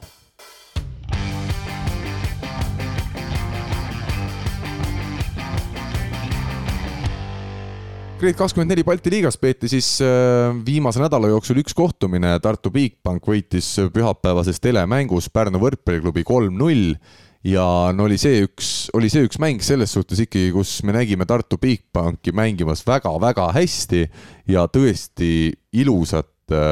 ilusat võrkpalli, ei oskagi kohe, kohe midagi öelda tartlaste kohta, kust saanuks paremini oma, oma mängu veel parem, paremaks teha, kui, kui see, mida siis Pärnu vastu näidati. Marti Juhkavi servid tulevad kohe meelde, et olid siuksed litrid ja noh, loomulikult mitte kõik, aga ma ütleks peaaegu kõik olid sellised, et noh, see õnnestumisprotsent oli ikka väga, väga kõrge ja noh, jällegi vist ühtegi vahetust ei tulnud Alar Rikbergil teha. Pärnu näitab oluliselt sümpaatsemat mängu kui hooaja alguses ja mingitel hetkedel tundus, et no, et äkki võib siin isegi nagu kas sulle tundus, et seal olid need momendid või? Eh, no ma nagu lootsin rohkem ilmselt, et see on see, kui sa tahad nagu no vaadata nad olid jah kahega peal seal mingis Jah. game'is veel, eks ole, aga, aga kogu aeg oli, tundus, et no Tartu No- tulevad nii lihtsad need Jah. punktid ja ja, ja noh, ja ütleme Toobalist me oleme siin rääkinud palju, need, seesama, mida ka Aavo Keel mainis ja mida oli ju näha, temporünnakud ja, ja paip ja noh, see, see toimis, et sealt, see on noh, ma ei saa öelda, et see on temposse toppimine, nende tõstete toppimine, aga see kohati näeb niimoodi välja, aga nagu vahet ei ole, kui sealt tuleb punkt, siis on see ootamatu vastase jaoks ja, ja mulle tundub, et vahepeal isegi nende oma temporündajate jaoks on ootamatu, sest et noh, ta, ta oskab, olles ise seal, ma ei tea, kahe poole meetri peal võrgust teha sellise hästi kiire tõste sinna ja nagu noh, tõesti ootamatult, et ei noh, kogu kogu kaadervärk nagu toimis, et selles mõttes on Tartu üle hea meel, et küsimus, et noh, võtta erinevalt siin teistest, mõnest teisest spordialast, et ei mängita ju turniirisüsteemis kohti välja, et sa saad lihtsalt omale siis sõelmängudeks asetuse ja nüüd ongi küsimus, et kas see, see, et sa siin praegu nii suurelt üle oled, nii võimsat mängu näitad, et sul peab seda püssirohtu jätkuma kevadeni, et ma küll usun, et Tartul jätkub, ma ei kahtle selles tegelikult, aga see oli võib-olla ainuke selline noh, ohumõte, mis, mis tekkis, aga, aga tõesti, seda oli nagu hea vaadata ja pigem nagu pani pead vangutama, et okei okay,, et Pärnu on astunud väikse sammu edasi või nagu isegi tuntava sammu edasi äh,. aga, aga noh, Tartu on teinud nagu veel rohkem ja, ja, ja see on tõesti imetlust väärt Taavi, sulle küsimus just jälle Gert Toobali puhul. Mina ei olnud näinud, ma ka teleülekannet kommenteerides seda ütlesin, et ma ei ole võib-olla meistriliiga tasandil näinudki sellist mängu, kus niivõrd palju ühes game'is mängib sidemängija võrgu täiesti puhtaks oma, oma ründajatele. oskad sa natuke selgitada seda, kust see tulenes? see ilmselt siis tähendas seda ühtpidi, et Gert Toobal mängis väga hästi ja tema mängu oli raske lugeda, aga teisalt ka see tähendas ka seda, et pärnakad võtsidki teadlikke riske kogu aeg, kuhu plokiga minna ja panid lihtsalt puusse mis mulle tundus, võib-olla mänguaeg see, see taktika natuke muutus, esiteks äh, Gert Toobali vastu ongi raske mängida ja kui Tartul on ideaalne vastuvõtt ja, ja Pärnu valib taktika, et nad reageerivad nii-öelda pallile, et nad ei võta otsust just, nad ei lähe kuhugi suunda ära, siis äh,, siis see tõstekiirus on piisavalt kiire Gerdiga, et nad ei jõua sinna. ja mulle tundus, et seda oli liiga palju, seda lugemist, et äh, et just seda ennustamist oleks võib-olla pidanud rohkem olema, samas on Gert Toobal see sidemängija, kes ka näeb seda tempomänge liikumist, kui sa teed selle liiga vara, siis ta on suuteline viskama selle palli teise suunda. ehk siis äh, näitabki jälle Gerdi kvaliteeti, aga aga jah, nagu ma ütlen, see mäng Tartul oli, oli ilus ja piisavalt kvaliteetne, sellise kiiruse vastu sul peab olema enne äh, otsus olemas tempomängijana ja, ja ka teistel blokeerijatel, mida ma ideaalse vastuvõtu korral teen. sa ei saa nii-öelda kogu aeg ainult äh, püsida lugemises ja, ja reageerida pallile, sest lõpuks siis, siis ei jõua sa mitte kuhugi. mida, mille juurde siit oleks hea tulla minu arust, on see, et kui me ikka vaatame, kes ühel hooajal toob ühes võistkonnas või terves liigas kõige rohkem punkte. Äh, meil on siin teada Soome liigast äh, Mart Tiisar, kunagi siis Andrus Raadik, tõid kõige rohkem punkte ja püstitasid siis ka liiga läbi aegade punktirekordeid. siis kas samas tänasel päeval Tartu võistkonda ja Gert Toobali seda väga ühtlaselt jaotuvat tõstete arvu vaadates võib öelda, et,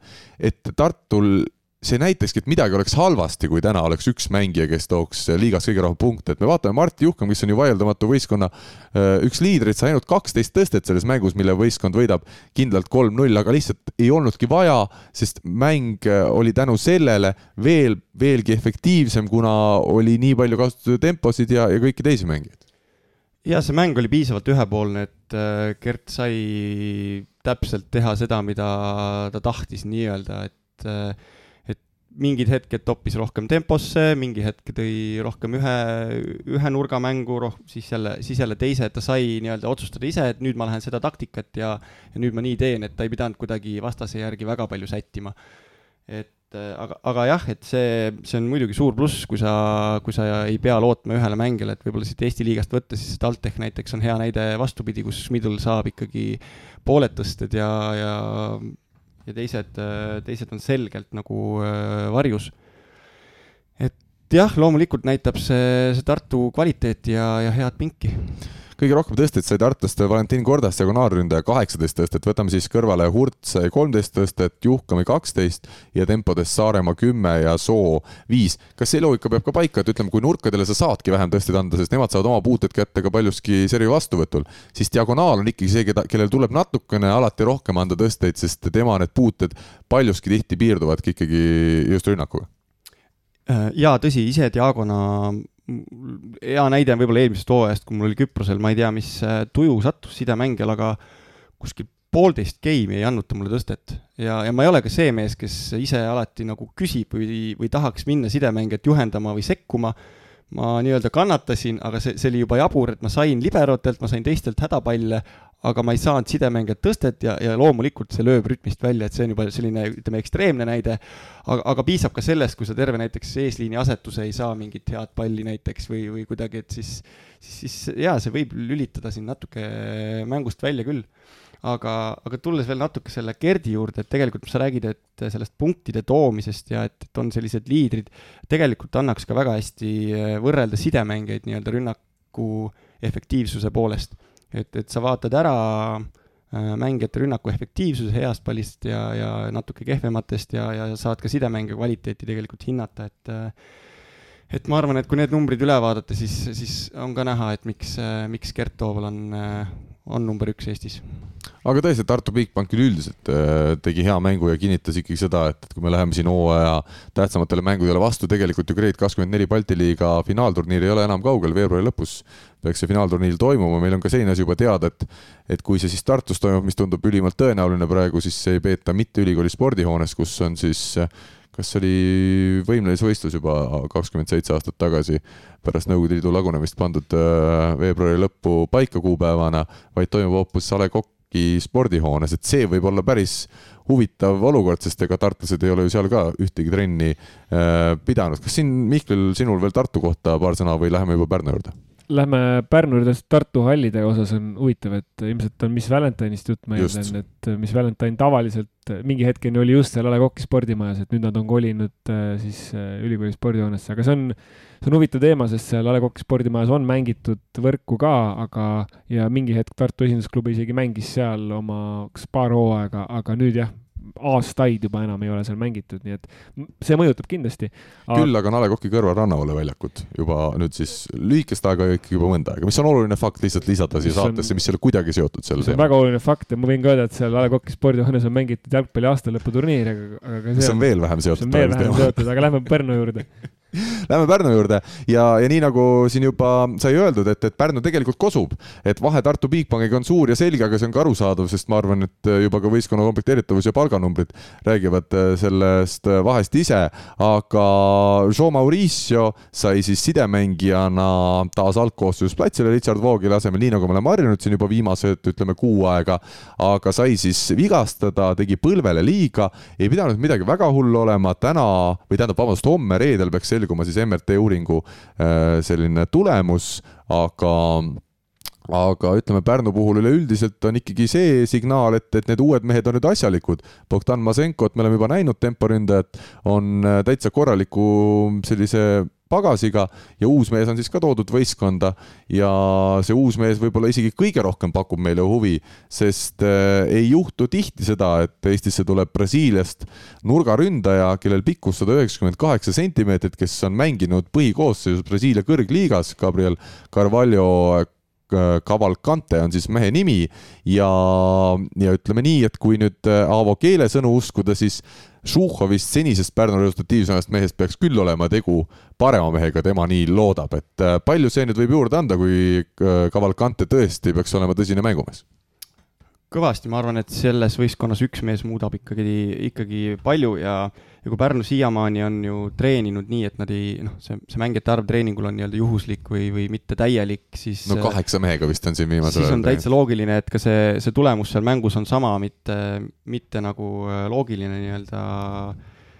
võib-olla mille, mida nad ootaks, vaid ongi nii-öelda juhuslik, et äh, anname nüüd, ma arvan, niisugune maksimum kuu aega sellele võistkonnale treenimiseks kõik koos ja ma arvan, et nad näevad täitsa, täitsa teistsugused välja aga siin on nüüd küsimus, kas, kas see kuu aega leitakse neile, sest äh, no tabeliseis ei ole Pärnul väga kiita, aga noh, tõsi, tundub, et neil on ikkagi play-off'i esimeses ringis ehk veerandfinaalis vähemalt oma võimalus äh, edasipääs tagada, et seal kohe väga tugevat vastast ei, ei tule. no ma mõtlen, noh, tabelis on praegu, neil on neliteist punkti, üksteist mängu peetud äh, leedukatel on üheksateist punkti ja ka üksteist mängu peetud, et viis punkti on vahe ja noh, ma ei tea, kas, kas seda on võimalik veel noh, teoreetiliselt loomulikult on võimalik, aga kas praktiliselt on võimalik, et näiteks Pärnu lõpetaks neljandana hooaja, et pigem on küsimus, et kui RTU on ka neljateist punkti peal, praegu neil on kolmteist mängu peetud ja sealt on siis veel Jekapils on äh, ka, on kolmeteist punkti peal üksteist mängu peetud, et pigem on küsimus selle koha hoidmises ehk, aga noh, tea-, teoorias jällegi, kas homme on mäng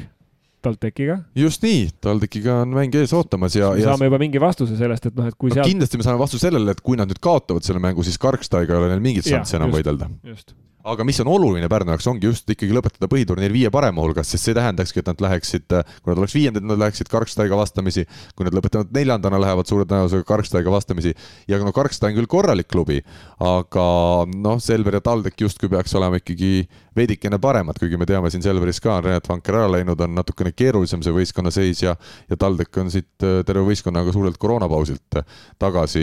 äsja tulnud, et Pärnul justkui võiks olla homme õhtul see šanss võit ära võtta, sest TalTech TalTechi mehed on olnud pooled haiged ja alles hakkasid uuesti treenima. teisalt äh, ei ole Pärnul ikkagi olukord lihtne, kui Jean Mauriciot homme kasutada ei ole, mis on selge, siis Richard Voogel peab sidemängijana tegutsema ja kui ta ei ole ikkagi sel hooajal ennast väga heast küljest näidanud ja ei ole ka väga palju siin viimase kuu aja jooksul mänginud, siis see võib saada määravaks siin duellis jah, me kuidagi keskendume hästi palju sellele, et Pärnul on kuidagi raske ja vähe mehi ja, ja natuke võib-olla esitused ei ole sellised, nagu me ootaks, aga, aga vaatame natukene ringi, kellel, kellel peale Tartu üldse siin hästi on. et terve Balti liiga on, on juppideks natukene Eesti võistkondadest, noh, Selverit, nagu sa mainisid, jäi jäi ikkagi väga nooreks ja, ja ma arvan, et see mängupilt hakkab seal olema väga teistsugune. TalTech praegu võitleb äh, võitleb haigusega, eks näha, kuidas sealt mingid mehed taastuvad, äh, neil on ju veel euromängud, võib-olla saab seal töö kõrvalt tegijatele ja õppijatele koormusega natukene liiast, et äh, et neid küsimärke on väga palju ka teistel, et, äh, et sellepärast ma väga nagu ei muretsekski, et Pärnu võib siin hooaja lõpus ikkagi täitsa ikka tulemuse moodi asja teha mis see tulemuse moodi asi oleks, kas medal Balti liigas, et ütleme, Selveri ja TalTechiga nad võiksidki kuu aja pärast, juhul kui nad peaksid finaalturniirile pääsema, heidelda? Jaa, ma arvan, et miks, miks nad ei peaks mõtlema medalist Balti liigas, et see on täitsa normaalne ja noh, Eesti meistrivõistlustel on juba raske ilma medalita jääda peaaegu. aga Pärnul ikkagi Pärnul mulle ikkagi tundub, et on, on ikkagi nii õhukene see koosseis, võrreldes isegi TalTechi ja Selveriga, et noh, seal ei tohi ükski mees praegu sellest põhikoosseisust välja langeda, et kohe, kui on keegi puudu, olgu see kasvõi temporündaja, see mõjutab nii palju mängu, et neil on täpselt nüüd pärast seda uue mehe brasiillase lisandumist on täpselt äh, seitsme mehe jagu sellist koosseisu ja noh, me siingi räägime sellest, et hetkel Voogel juba, kas ta tuleb toime nüüd Joe Mauricio asendamisega, Mauricio on läinud viimastel kuudel palju läinud paremaks ja põhikoosseisus koha nagu kuidagi väga kindlalt kätte saanud, et et seal on nii pisiasjades kinni see kõik. jah, ilmselt Pärnul tuleb ka mängu see, et et võib-olla treenida nädalas paar tundi vähem, aga et mehed püsiks, püsiks terved, et et, et see võib olla palju, palju suurem eduvalem nii et reede õhtu äh, TalTech ja Pärnu selle nädalavahetuse ainus siis mäng, kus Eesti klubid omavahel vastamisi lähevad. sai siin vaadatud kiiresti üle ka, kellega Pärnul on mängud ees. lisaks siis äh, homsele TalTechi mängule ootab neid veebruari alguses ees kaks kodumängu Riia, Riiaga, oma põhikonkurendiga, Jelgavaga ja siis veebruari keskpaigas Taugapilsi ja Ekapilsiga kõik kodumängud muide, nii et nelja kodumänguga lõpetab siis lätlaste vastu lõpetab Pärnu selle põhihooaja, aga ma arvan, et paslik on siit minna edasi teema juurde, mis võrkpallisõpru kindlasti kõnetab samuti palju. see on siis äh, euromängud, üks Eesti klubi jätkuvalt eurosarjas on, tuletame meelde, nagu ikka meeldib öelda, meeskond, kes eurosarjas isegi ei registreerinud ennast selleks hooajaks, hakkab nüüd siis veerandfinaalis mängima Türgi suurklubi Ankara Halkbankiga ja kui nüüd äh, uskuda seda äh, taustainfot, mis, mis on minuni jõudnud, see on küll üsna värske, aga tundub nii, et Ankara Halkbankiga mängitakse ikkagi mõlemad mängud võõrsil, niivõrd äh, niivõrd lahked siis Ankara mehed olid ja, ja kuna nendel on tõesti väga tähtsad mängus, mängud ka koduliigas käsil, siis lihtsalt leiti, et lihtsam on, on maksta külalistele kõik kinni ja tuua nad siis kaheks järjestikuseks mänguks äh, Türki mängima, nii et ilmselt me Ankara Halkbanki äh, Tallinnas mängimas ei näe, aga ütleme, ametlik info selles osas peaks siin lähi, lähihetkedel äh, saabuma, nii et TalTechi mehed no Taavi, sinule küsimus, kui suur on võimalus, et Ankara Halkbank lüüakse pikali ja pääsetakse Challenge Cupis poolfinaali? Noh, võimalus on alati olemas, võib ka seal äh, Türgi tiimil koroona üle käia ja mis iganes juhtuda, neid ära jäänud mänge on juba palju, aga aga, aga kokkuvõttes ma olen väga pettunud tegelikult, et TalTech siia ikkagi ühtegi mängu ei saanud, et äh, siin tekib küll küsimus, et mida, miks sinna euro, euroliigasse üldse mindi, et äh, kui, kui oleks noor võistkond ja et noored mehed saavad seal häid mänge, siis ma saan aru, kes seal TalTechis nüüd äh, nii noor on, okei okay,, mõned mehed on, on ju, et saavad sealt, saavad sealt võib-olla head mängud, aga aga noh, midagi on vaja ikkagi nagu tagasi ka anda publikule, et TalTechis tegelikult on normaalselt hakanud rahvast käima ka ma ei tea, äh, võib-olla, võib-olla mul on vähe infot ja ma ei tea, mis summad seal liiguvad, aga, aga no kurat, ma arvan, et selle raha oleks kokku saanud, et, et selle võistkonnaga vähemalt üks mäng siin pidada. mängud siis, eks ole, teine ja kolmas veebruar ehk järgmisel nädalal peaksid olema siis seal, seal, seal Türgis noh, jah, see kahju muidugi või nagu spordiloogika kipub ju olema see, et sa saad mängida kodus ja väljas, et et loomulikult, kui kaasaniit käis Tartus, et ega me siis ei mõelnud, et oi kui kahju, et, et Tartu Bigbank ei pea reisimagi Kaasanisse. see, see nagu meile sobis, aga jah, nüüd on pigem lihtsalt see kum-, noh, kummaline on see, et sa oled kolm, kolmas vastane eurosarjas ja sa ei ole kordagi veel kodus mänginud, aga noh, samal ajal äh, ma lihtsalt ütlen vahele selle, et aga vaata Kaasanis Heidiga on ka see, see vahe või ütleme, suurklubi, kui me räägime suurklubi ja mängi kodus, ma arvan, et äh, vähe oli Kaasanis inimesi, kes tahtsid äh, väga näha Tartu Bigbanki äh, mängimas Venemaal. et see ei ole nagu võrreldav sellega, kuidas Tartus Eesti võrkpallipublik tahtis näha suurklubi, et, et Kaasani ei kaotanud, ma usun, mitte keegi ei kaotanud sellest midagi, et nad kaks mängu pidasid siin. nõus, aga noh, ilmselt TalTechi poolt vaadatuna TalTech küsib vastu, et okei okay,, et aga kui meil on valida, kas me poleks üldse läinud sinna või me nüüd mängime seal et kumb siis nagu parem on, et, et noh, see ongi tegelikult tobe, et meil on niisugune nagu öeldakse, et kui vaesust ümber jagata, et ümber jagada, et ega keegi rikkamaks ei saa, et siin on nagu praegu natuke sarnane olukord, et lihtsalt ongi sundvalikud ilmselt ka TalTechil, et et noh, nad ei olnud planeerinud seda eurosarja, nad ei noh, nii-öelda nende poolt võikski kõlada, et okei okay,, et kui me ei oleks läinud, me ei oleks saanud neid ütleme tugevaid mänge siis kolme, kolme vastasega ehk siis kuute äh, vähemalt kuute, võib-olla ka rohkem, äh, siis äh, heal, heal tasemel mängu, aga aga jah, see, see lihtsalt taandub sellele, et see, see, et see asi üldse võimalik on. alustame sellest, et me oleme siin rääkinud, et äh, registreerimata klubi pääseb eurosarja, on omaette kurioosum. ja siis kurioosum, et sa saadki niimoodi valida, et, et ma ei mängi kodus võõrsil, kuigi on paika pandud, et mängitakse kodus võõrsil, et noh, siis tegelikult võikski tegelikult teha. ma võikski öelda, et ei ole kokku lepitud, et mängitakse kodus võõrsil, see on küll justkui nagu kuskil selline formaat, aga me tuletame meelde, et kui TalTech mängis seal, mis seitse aastat tagasi esimest ja seni siis ka viimast korda enne tänavust hooaega eurosarja mängiti rumeenlastega samuti rahalistel kaalutlustel kaalutlustel mõlemad mängud võõrsil, et see ei ole tegelikult ka ainult koroona sund, see on jälle see võrkpalli paratamatus, raha on nii vähe ja tehaksegi selliseid diile, et mängimegi ühes kohas ja saame lihtsalt peetud need asjad. aga no siis võikski, noh, võikski mõelda selle peale, et ongi turniiri formaadis näiteks, ma ei tea, et noh, et ei mindagi play-off mängudeni enne, kui on välja sõelutud need, kes, kes saavad minna, et mängitaksegi kohalesõitudega näiteks neljased turniirid minu pärast äh, mängitakse, noh. oleks väga tore, jah? jaa, sest noh, ütleme jalkas on äh, niimoodi, et siis meistrite liiga eelring selleks, et saada üldse kvalifikatsiooniturniirile peale esimesse ringi, et seal mängivad siis neli neli, nelja riigi meistrid omavahel ja seal on ühest mängust, kõigepealt mängitakse poolfinaal ja siis finaal Äh, võitja saab siis sinna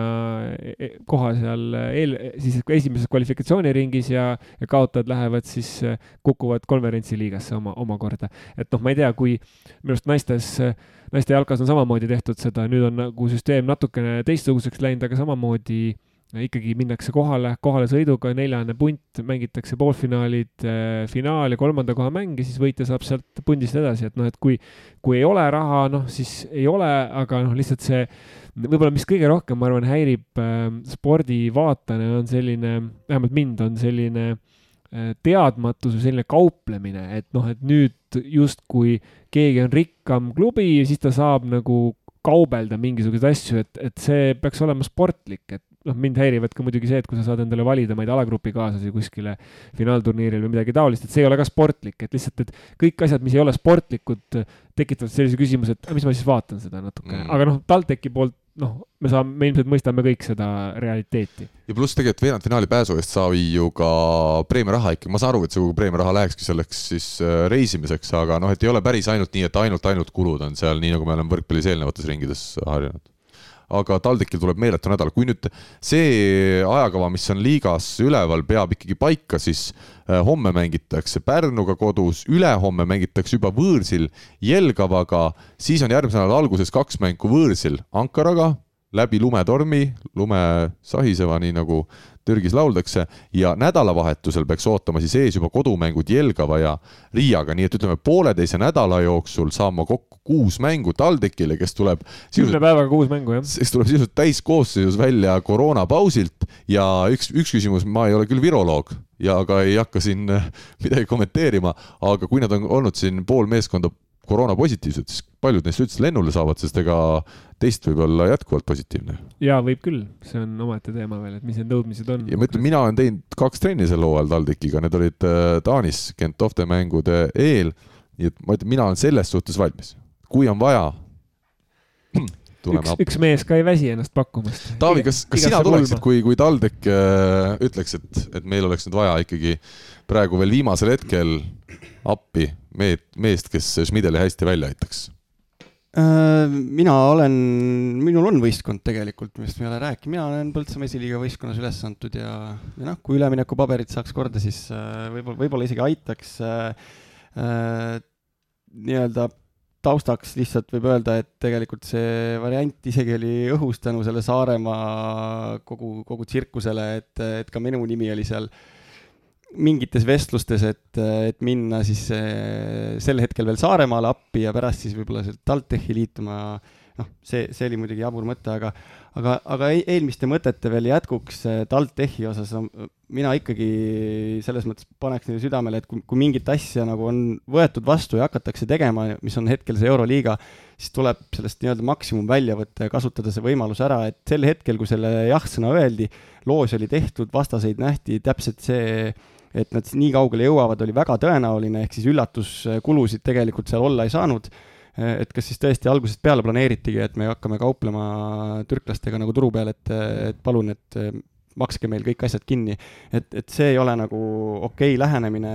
tõesti, kui, kui need Euroliiga formaadid enam Eesti klubidele ei sobi ja üle jõu käivad, siis palun ärge registreerige ennast sinna ja ja, ja paneme siis tööle mingisuguse Ida-Euroopa liiga, nii nagu on Kesk-Euroopas Mevsa klubidel, mis on tegelikult jumala okei okay, äh, tasemega, käivadki klubid äh, sõidavad üksteisele külla, teevad turniiri formaadis asju, et et ma ei tea, miks meil siin siis, võtame siis Soome klubid, võtame mingit Rootsit, Norrat, et teeme siis selle Põhja-Euroopa nii-öelda liiga siis, et aga, aga jah, sellest, sellest on igal juhul kahju, tõesti, kuidas TalTech selle mängude koorma lahendab pärast haigust, äh, see saab olema päris, äh, päris karm. ja jääme siis huviga ootama, mis nendest kõikidest mängudest saab ja, ja kuidas need kõik siis äh, välja kujunevad, aga mulle tundub, et meil on tänases saates aeg võtta ette viimane teemaplokk, sest naisteliigadest meil suurt midagi rääkida ei ole, nädalavahetusel peeti siis noorteklassides karikamänge ja Tatsi U kakskümmend vanuseklassi noormehed võtsid siis võidu poistest ja Selveri U kakskümmend vanuseklassi neiud olid äh, parimad äh, tüdrukute seas. sai ka natuke vaadatud Selveri ja Tartu seda otsustavat mängu ja no miks on, miks on, ütleme, huvitav alati naistevõrku vaadata ja tundub, et noorte oma eriti, et need pallivahetused on tõesti ikkagi meeletult pikad ja annavad seeläbi ka selle, nendesse mängudesse ja nendele mängijatele meeletut emotsiooni, aga aga seetõttu siis ka naistel ei olnud äh, nädalavahetusel mänge, et, et U kakskümmend vanuseklassis olid tütarlapsed võistlustules, kes ka paljust siis meistriliigas mängivad. ja, ja sel nädalavahetusel on ees Balti liiga mängud, Eesti naiskonnad mängivad võõrsil, et äh, Tartu Ülikool Bigbank äh, siis kindlasti tähtis kohtumine äh, Leedus Joonava klubiga, nende otsese konkurendiga. Siis nii Tallinna Ülikool Kikas kui ka Audentese spordigümnaasium noortekoondis mängivad äh, Riias siis mõlema Riia naiskonnaga ka jällegi selles mõttes tabeli seisukohast olulised mängud ja Võru mängib ka ühe mängu siis Leedus Joonavaga ja siis ühe mängu Taugapil siis, nii et selline täielik reisinädalavahetus, aga peaks olema nüüd ülehomme laupäeval Viljandi Metalli ja Rae spordikooli naiste meistriliiga mäng ja Viljandi jaoks on tegemist esimese mänguga pärast seda, kui nendega ühines neli uut mängijat, sellised tugevdused, aga ma saan aru, et koroonaviirus teeb ka seal omasid korrektuure, nii et vähemalt kõik äh, liitunud ei, ei mängi selles mängus. ja ma vahele ütleme seda, et, et nüüd ei jääks keegi tähte närima Äh, ja, ja liiga palju norima, siis TalTech Treidhouse nädalavahetusel ühe mängu mängis äh, siis Alituse naiskonna.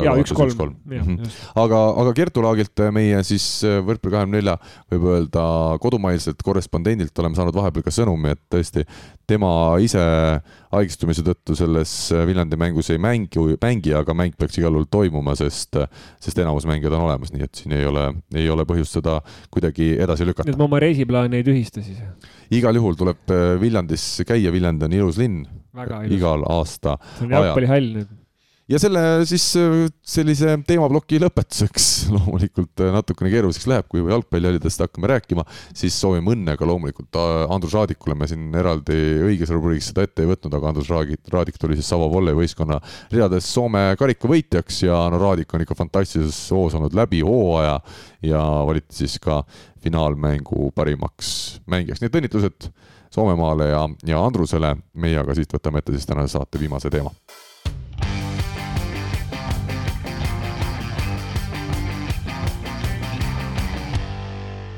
no Taavi, sind äh, kui võrkpallurit äh, me teame hästi, viimase ütleme mõne nädala või kuu jooksul oled sa siin teinud debüüdi ka võrkpalli kommentaatorina ja ma pean tunnistama, et olen küll päris paljude erinevate inimestega läbi oma elu juba mänge kommenteerinud, aga nii palju selliseid positiivseid sõnumeid, et et kes see nii hästi abikommentaatori rolli täidab, ei ole ma varem saanud, nii et Taavi, tuleb öelda, et kuidagi see abikommentaatori roll Äh, mängu lühidalt, konkreetselt ja huvitavalt äh, kuulajatele lahti seletamine kuidagi on sobilik, oled sa teinud seda salaja kodus kuskil teleka ees või, või tuleb see loomulikust intelligentsist? ei, ei ma selles mõttes mingi kapi kommentaator ei ole, et ma kodus äh, kuhugi, kuhugi sahtlisse asju, asju kommenteerin või, või Delfis äh, käin äh, midagi toksimas sinna, et äh, Äh, jah, ma ei tea, kui selles võrkpallis sees oled ja sellest aru saad, siis tegelikult ei ole ju keeruline või, või vähemalt tundub ja, ja kui tagasiside oli positiivne, siis, siis on, siis on tore, et eks seal oma nüansid oled, et mida, mida just edasi anda, et, et me võiks ju rääkida väga spetsiifiliselt seal ka mängu ajal lahata äh, väga keerulisi taktikalisi lahendusi, mis, mis tõenäoliselt võib-olla juhtusid, aga aga jah, üheksakümmend protsenti võib-olla televaatajatest sellest aru ei saa ja sellel ei ole nagu mõtet, et siis, siis võib-olla jah, selline lihtne ja konkreetne lähenemine on see, mis telesse sobib. Mihkel, kas see võib olla ka see, et kui lihtsalt põhikommentaator nii nõrga tasemega, siis abikommentaator paistabki heas valguses välja? jaa, ma seda mõtlesin kusjuures ise, aga teise nurga alt natukene, et äh, need inimesed, kes tulevad alles kommenteerima ja on oma ala spetsialistid, nad on kõige, kõige paremas mõttes rikkumata veel, sest et äh, tihtipeale spordikommentaator, noh, ka võrkpallis on, ta kuidagi tunneb survet rääkida eeter täis ja tunneb ka survet, noh, rääkida mingeid lugusid seal mängu ajal, et noh, kuidas see oli ja kuidas too oli, et minu meelest keskenduma peaks sellele, mis mängus toimub ja ütleme, see noh, ma saan aru, mõned mängud on sellised, kus on, on keeruline midagi öelda selle kohta, mis mängus toimub, aga lihtsalt, et kui, kui kommentaator mitte ei anna juurde mulle mängu vaatamisele, vaid ta noh, segab seda mängu vaatamist, sest et ta ei räägi sellest, mis platsil toimub, et kui ma näen, et kommentaatori hääl läheb ülesse, aga mängus tegelikult ei juhtu midagi sellist, mille peale peaks väga erutuma, et siis noh, mul tekibki küsimus, et milles asi on, et lihtsalt see, ma arvan, kuulates ka või vaadates ja kuulates neid mänge, mida te koos kommenteerisite, siis ega Taavi oligi äh, konkreetne ja ütleski selle konkreetse asja ära ja tihtipeale võibki jääda, et oh, me peaks kuidagi veel siluma ja veel midagi ütlema ja veel selgitama. no selleks ongi niisugune podcast'i formaat nagu siin, aga seal teles on tegelikult konkreetne asi, see juhtus, see oli ja nagu me natuke kardame kõik, olles ise ka kommenteerinud äh, jalkamänge küll, aga et sa kardad natuke seda vaikust, et nagu tegelikult ju pilt jookseb, äh, vaataja näeb, et nagu meeleheitlikult ei pea kogu aeg rääkima. et selles mõttes need, ma olen ka märganud nagu teistel spordialadel, et need spetsialistid, kes tulevad tihtipeale, neil ei ole seda, nad ütlevad ära, et juhtus see ja nagu ongi. Tegelikult päris hästi nagu lahti selgitatud ja, ja kui noh, muidugi Taavil on ka ilmselt selline looduslik anne nagu noh, seda kõike ei oska ennast, ennast väljendada. Ja noh, ütleme, et kui sa teed siin samas iglupargis, kus me oleme, teed mingit laadi, ma ei tea, müügitööd või, või põhimõtteliselt võib öelda, et noh, sul peab olema teatud selline anne ka ennast väljendada. Ja noh, just see konkreetne sõna tänases saates samamoodi, et Taavi ütlebki, nii on, põmm-põmm ja nagu ei jää pikalt siin eetama ja noh, tead, osad kardavad seda, seda, seda, seda mikrofoni ka, nii et selles mõttes sul kindlasti äh, nagu äh, tuleviku võrkpalli kommentaatorina on aga ma tahaks siit jõuda hoopis tegelikult ühe teise küsimuseni, miks ma üldse selle sissejuhatuse seoses kommenteerimisega tegin. et mitmed inimesed, kes siis kiitsid sinu seda kommentaatori tööd, küsisid, et, et äh, kas Taavil on plaan ka hakata treeneriks mingil hetkel, täna sa oled siin iglupargis ja teed siin väga head tööd, aga kas seda treeneri ideed on sul olnud sees ja, ja kui tõsine see võiks olla? jah, ma võin niimoodi üldiselt selgitada, mis äh, pärast minu lõpetamist äh, saanud on. siis lõpetasid, eks ole, ütleme kevadel karjääri? kevadel pärast Küprose liigat mm, -hmm. et, äh, et võin öelda, et jah, viimased tegelikult mitu hooaega juba ma olen olnud valmis selleks, et kui ei tule ahvatlevat sobivat pakkumist, siis ma, siis ma sukeldun ka tööturule või kuhugi mujale või otsin Eestis mingit muud väljundit äh, soovitavalt kõigepealt ikkagi võrkpallialast, äh, aga, aga ei pruugi alati leida. Äh, siiamaani siis oli neid võrkpallipakkumisi ahvatlevaid, aga, aga pärast seda kahte koroona aastat üksinda välismaal, kui mul on pere siin, siis see oli ikkagi karm. ja, ja siis sai mingi hetk sai selgeks, et ei, et nüüd ma Eestisse jään. loomulikult alguses hakkasime otsima Eesti variante, meil on praegu neli võistkonda, Tartu oli põhimõtteliselt komplekteeritud valik väga väike. Tallinnas jäi Selver, Selveri vahendid ei ole võib-olla sellised, mis mind äh, rahuldanud oleks ja, ja siin hoidnud, me me kaalusime erinevaid variante, just noorte, noortetreeneri tööd, aga, aga lõpuks äh, jah, ütlen, et, et sul võib olla taust ja, ja ma olen ka õppinud ju kehakultuuri lõpetanud nüüd, et, et, et kõik need eeldused treeneritööks on olemas, aga mina lõpetasin sel hetkel ja sel hetkel turul praegu mingit sobivat kohta ei ole, et äh, kahjuks seda ma valida ei saa äh, ja, ja, ja kuidagi muuta ja tekitada ise sinna võrkpalliturule mingi, mingi sobiv töökoht, nii et äh, pidi sealt kuidagi välja astuma, et tegelikult ma olin vist viis kuud, noh, nii nagu ma ikka suvel puhkasin ja, ja tegin, tegin võib-olla muid asju, ma ikkagi suhtlesin võrkpalliringkonnas inimestega ja, ja otsisin seda väljundit jääda siia alasse sisse, sest see tundus ka minu CV-d vaadates kõige loogilisem, et ma teadsin, et äh, mingi muu, muus valdkonnas töö leidmine saab olema väga keeruline, et kui sul on CV kaksteist aastat ainult võrkpall, sa oled kehakultuuri lõpetanud, siis äh, siis puhtalt CV pealt on ikkagi väga raske kuskile jalaga uks lahti lüüa, et äh, hea, kui vestluselegi saad. kas tõesti on niimoodi, et Audentese spordigümnaasiumi lõpetanud, kehakultuuri lõpetanud, välismaal mitmetes klubides mänginud, Eesti koondises mänginud inimesele kahekümne üheksa aastaselt äh, tol hetkel, kui sa lõpetasid, nüüd sa oled kolmkümmend, eks ole? ma olen jah, kolmkümmend. jah, et äh, kahekümne üheksa aastast, kui sa lõpetasid, ei ole Eesti võrkpallis tööd. et see on, tundub mulle selline nagu üllatav, et kui me räägime siin, et meil on treenerid puudu ja üldse noh, see tegelikult on nagu laiem küsimus, et kui ma seda Audentese lõpetajate nimekirja siin vaatasin mingi poolteist nädalat tagasi, et siis seal oli tegelikult väga üksikud paar, paar inimest ainult, kes täna treeneriks olid läinud, samas ma tean, et noh, Audentesest te saate ka juba mingisuguse treeneri kutse kaasa, pluss kui sa juba kehakultuuri lõpetasid, et kust, kust see tuleb, et, et noh, et meil ei ole nagu neid selliste kvalifikatsioonidega, nii mängija taustaga kui ka treeneri kvalifikatsiooniga inimesel, et meil ei ole tööd. Äh, jah, see tundus ka mulle endale üllatav, eriti veel äh, selles formaadis, et ma olin ise huvitatud, ma otsisin seda väljundit, et seda tööd teha, aga, aga ega ma pikalt nagu taga nutma ei jää seda, kui ei ole, siis ei ole ja, ja midagi teha ei ole ja ma nägin, et see, miks ma üldse selle spordi ka tahtsin ära lõpetada, see ebastabiilsus lihtsalt muutus nagu väga-väga äh, tülikaks, et, et nagu me enne rääkisime, see kogu see palgaasi, sa ei saa tegelikult üldse palka, sa saad äh, noh, olenevalt riigist mingit stipendiumit või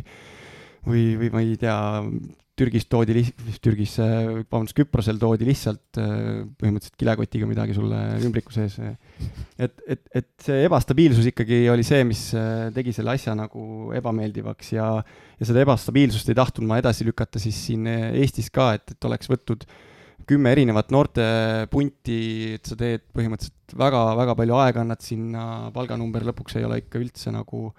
võib-olla selle vääriline ja et, et, et, et see kuidagi ei sobinud äh, kõik kokku jah, aga aga jah, mis, mis ma ikka lõpuks ütlesin endale lihtsalt, et ju siis on Eesti võrkpallis nii head seisud ja treenerite valik on nii hea, et mulle, mul ei ole kohta ja mind ei ole vaja ja, ja läksingi, läksingi muu, muudele otsingutele. aga ma mõtlen laiemalt, et kas kas oskad, kas see, kas see, et ähm, meil ei ole nii-öelda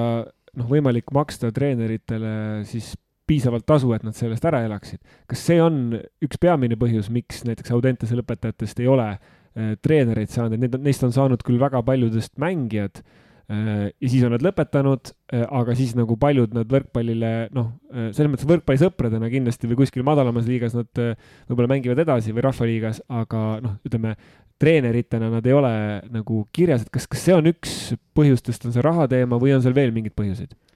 Raha teema kindlasti. Ja, te olete seda puudutanud, seda teemat siin ka, et see kutsetasemete saamine on nagu, see on nii pikk protsess, et seda äh,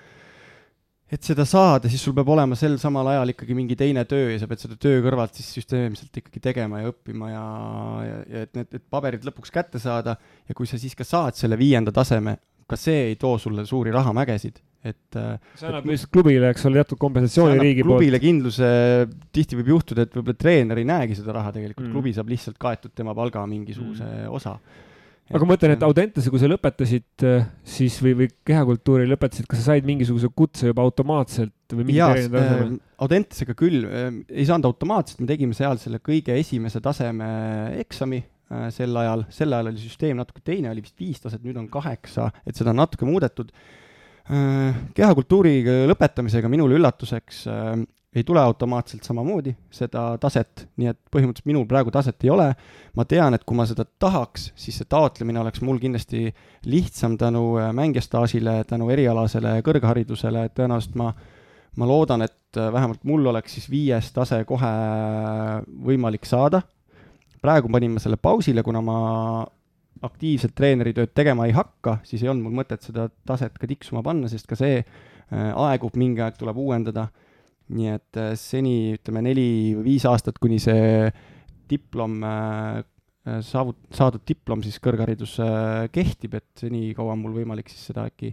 äkki teha, aga, aga praegu ma jah, ma ei, ei, ei väga palju ei mõtle selle mm. peale. no mina julgustaks kõiki, kes meie saadet kuulavad, näiteks klubisid, kes äh, julgustaks ennast natuke rohkem võib-olla ette planeerima, kui vähegi võimalik, äh, ka seda, et kes võiks sellesse klubisse tulla treeneriks või ka noortetreeneriks tööle, et küsimus ei, küsimus ei pea olema ju tänases reaalsuses, et kui mõni klubi tahab kasvada, siis on selge, et tal on ju vaja uusi treenereid ja nagu noh, omavalitsus, klubi eratoetajate näol ja, ja siis needsamad, ütleme, omavalitsuse all ma pean silmas kas või laste pearaha, mis tuleb, et, et see, see peaks olema noh, piisav, et, et küsimus on nagu selles planeerimises, et, et kui sa ei võta ega teatavat riski alguses, kui sa võtad uue treeneri näiteks tööle, eh, noh, pannes talle kohustuseks mitte ainult treenida näiteks, vaid et ka teatavat sellist promotööd teha gruppide komplekteerimisel, et siis noh, siis sa ei muuda ka seda tänast realiteeti, et kui sa kui sa, kui sa nagu tiksudki selles, et siis, siis on selge, et see asi ei kasva. aga mina, ma olen kõige selle jutuga loomulikult nõus, ma ei saa siin midagi vastu öelda, aga ma vaataks teise nurga alt ja küsiksin niipidi, et kas täna on meil piisavalt palju noori inimesi, ma ei pea Taavit silmas, ma pean võib-olla natuke nooremaid inimesi, kes mõtlevadki sellele, mida teha pärast ülikooli, mida teha pärast kooli, kes oleksid nõus meeletult panustama sellesse, et kõik need äh, õiged õiged äh, ütleme, treeneri siis äh, litsentsid või kuidas neid astmeid nimetatakse, kätte saada, kes oleksid nõus aastaid selle nimel töötama, kes oleksid nõus õhtuti käima trenni andmas mitu tükki järjest ja kes oleksid nõus nädalavahetuseti oma siis noorte hoolealustega käima turniiridel. et äh, mulle tundub, et need, kes kellel silm meeletult põleb ja kes selle, ütleme, esimesed raskemad aastad rahaliselt siis ka üle elavad, et et nendel on samas ka täna võimalik jõuda Eestis treenerina tippu, sest meil ei, noh, me oleme siin rääkinud Rainer Vassiljevist võib-olla, kes on tõesti meeletult äh, sihipärast tööd teinud, et jõuda lõpuks välismaale. aga, aga kas meil on neid inimesi nii palju, noh, Taavi siin viskas nalja või ütleski naljaga, et ju siis ei ole mind vaja Eesti võrkpallit, kindlasti selliseid inimesi oleks vaja Eesti võrkpallile tegelikult ju. küsimus ongi, et kas me tahame kasvada esiteks või ei taha, tahame, noh, kui ma vaatan jällegi neid numbreid, mis me siin üks saade ka rääkisime siis eelmisest äh, Eesti võrkpalli arengukavast, kus siis olid need äh, nii-öelda ambitsioonid kirjas, siis, siis seal on, seal on selgelt nagu nii treenerite kui harrastajate arvu on pandud eesmärk kasvada.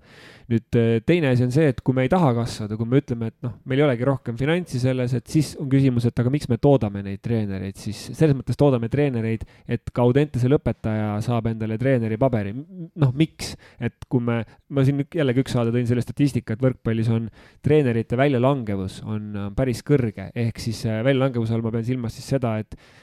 treener, kes teeb litsentsi ära, aga ta ei uuenda enam oma litsentsi. ehk siis eh, ta ei tule täiendkoolitustel, mis tähendabki, et ta tegi nii-öelda litsentsi ära, aga ta, ta te reaalselt võib-olla tööle ei hakanud või, või töötas väga lühiajaliselt. et, et see on, see on see küsimus ja kolmas asi, mina ütleks, et äh, on oluline nii-öelda et kuskil, kas see on siis klubi või alaliidu tasandil, oleks see selline noh, ma ütleks sihuke liim, mis liimiks kokku selle terviku, mis annaks ka nendele noortele äh, on see Audentese lõpetajad, on need kehakultuuri lõpetajad või on need ka lõpetavad mängijad, et annaks neile mingisuguse perspektiivi, et kuulge kui te nüüd tulete klubisse, me oleme nõus teid noh, mingit pidi toetama, ma ei räägi ainult rahalisest toetusest, ma räägin kasvõi sellistest, tihtipeale see vaimne toetus on, on nagu täpselt see, et ma arvan, noh, ka Taavi tundub mulle nagu sellist tüüpi inimene, et kui keegi oleks talle tulnud öelnud, et kuule, Taavi, et eh, mul on niisugune plaan, et mul täna on nii palju raha, on ju, kas sa tuleksid punti, eh, looksime mingi koos mingisuguse perspektiivi, ta oleks võib-olla noh, nõus olnud, et, et lihtsalt, et seda oleks vaja, seda perspektiivi ka anda, et noh, või näiteks kas või sama, et, et võtta kokku, meil on praegu juba lõpetanud mängeid omajagu või lõpetamas mängeid omajagu, et võtta kokku see punt ja vaadata, mis meil neile pakkuda on, mis perspektiivi meil pakkuda on, võib-olla mõni tahab, ma ei tea, kohtuniku-tööd hakata tegema, kuigi ma ei usu, et tippmängijast üldjuhul kohtunikku on väga-väga raske, et kohtunik tuleb pigem sellisest noh, koonditasemel mängijast kohtunikuks on pigem raske minna, aga kas meil on kuskil vaja, ma ei tea, ametnike poolelt, kas meil on kuskil vaja mõnesse väiksemasse kohta, nagu näiteks kas või Põltsamaa, puhuda sisse võrkpallile uus jõud või meil on vaja treenereid ja äh, kasvõi siis ajutiselt kasvõi näiteks täiendavalt toetada kuskilt, see ei pea olema, ma ei räägi nagu mingitest suurtest summadest, pigem on see selline nagu alguses vähemalt energia või see vähemalt mingi visioon, et okei okay,, et meil on visioon see, et tippmängijad, kes on, ma ei tea, kolmkümmend pluss aastat vanad, võtame nad kokku, pakume neile mingid teatud väljundid, et ei tekiks kasvõi selliseid olukordi, et ma ei tea, TalTech Tradehouse otsib endale treenerit pool aastat stiilis, et või, või tänu sellele ei saa isegi nagu naiste meistrivõistlust alustada, et äkki see näiteks ennetab neid, näiteks selliseid asju, et, et lihtsalt see, see liim peab kuskil olema. Äh, jah, selle jutu jätkuks äh, ma arvan, et klubid väga hea meelega tahaks teha pikka plaani, tahaks tulla mingi treeneri juurde, öelda, et kuule, mul on selline viisaastaku plaan seda mingid hetked on osad klubid ka välja öelnud, aga me jõuame jälle selleni, et seda stabiilsust ei ole, ei ole sponsorite näol, ka sponsorid ei julge teha viieaastaseid lepinguid, ma arvan, et ka seal on äh, sellised üheaastased, eriti praegusel ajal. Äh, me ei pea näiteid kaugelt isegi otsima, võtame Selver Tallinna klubi, äh, mitte üldse etteheiteid tehes, aga aga aastaid tagasi juba on, on nad öelnud neid, et me see aasta lähme jälle noortega välja. siis tuleb uus aasta, no me jälle tuleme oma noortega, jälle uus treener siis tuli üks hetk võimalus, kui Rainer Vassiljev oli vaba, kasutati kohe ära, noored unustati jälle korraks ära, jälle jäi see üheks aastaks, et, et leiti korraks mingi lisaraha, jälle, jälle kasutati, et et, et tahaks näha, et keegi tõesti päriselt ka teeb selle sammu, ütleb, et meil isegi praegu on raha, aga me ei võta seda välistreenerit, me ei võta neid äh, koondise mehi, me võtame päriselt ka enda noored ja me kolm aastat nüüd mängimegi nende meestega ja me teemegi nendel meestel head tingimused, nendel noortel ja, ja, ja kasvatame ka päriselt, mitte see, et kui mul on, leian hetkel ühe uue sponsori, kes on nõus natuke rohkem raha andma, et siis ma korraks jälle unustan selle projekti ära. aga ma küsin, kas noh, jälle üldplaanis kõigega nõus, aga et kas see Selveris eelmise aasta variant oli tegelikult halb, et noh, me peame vaatama ka teiselt poolt, et mis oleks Kollodest, Steppanitest ja Raadikutest saanud, et et kui me vaatame teiselt poolt, nemad said hea väljundi lõppkokkuvõttes, Eesti võrkpallil oli huvitav aasta kokkuvõttes, et, et seda ei saa ka ainult vist selle poole pealt võtta, et kuidas Selveri noored olid ja kes teab, võib-olla võib-olla Renet Vanker tänu sellele, et tal oli eelmine aasta kogenud mehed kõrval, on tal täna lihtsam maasseigi selle jalgu maha saada?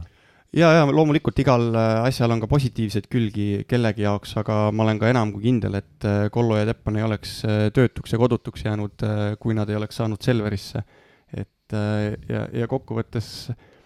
jah, Teppan suvel, tal oli, ta oli ikka katki veel, tegelikult ta ei saanud siin Eesti hooajaga ennast päris terveks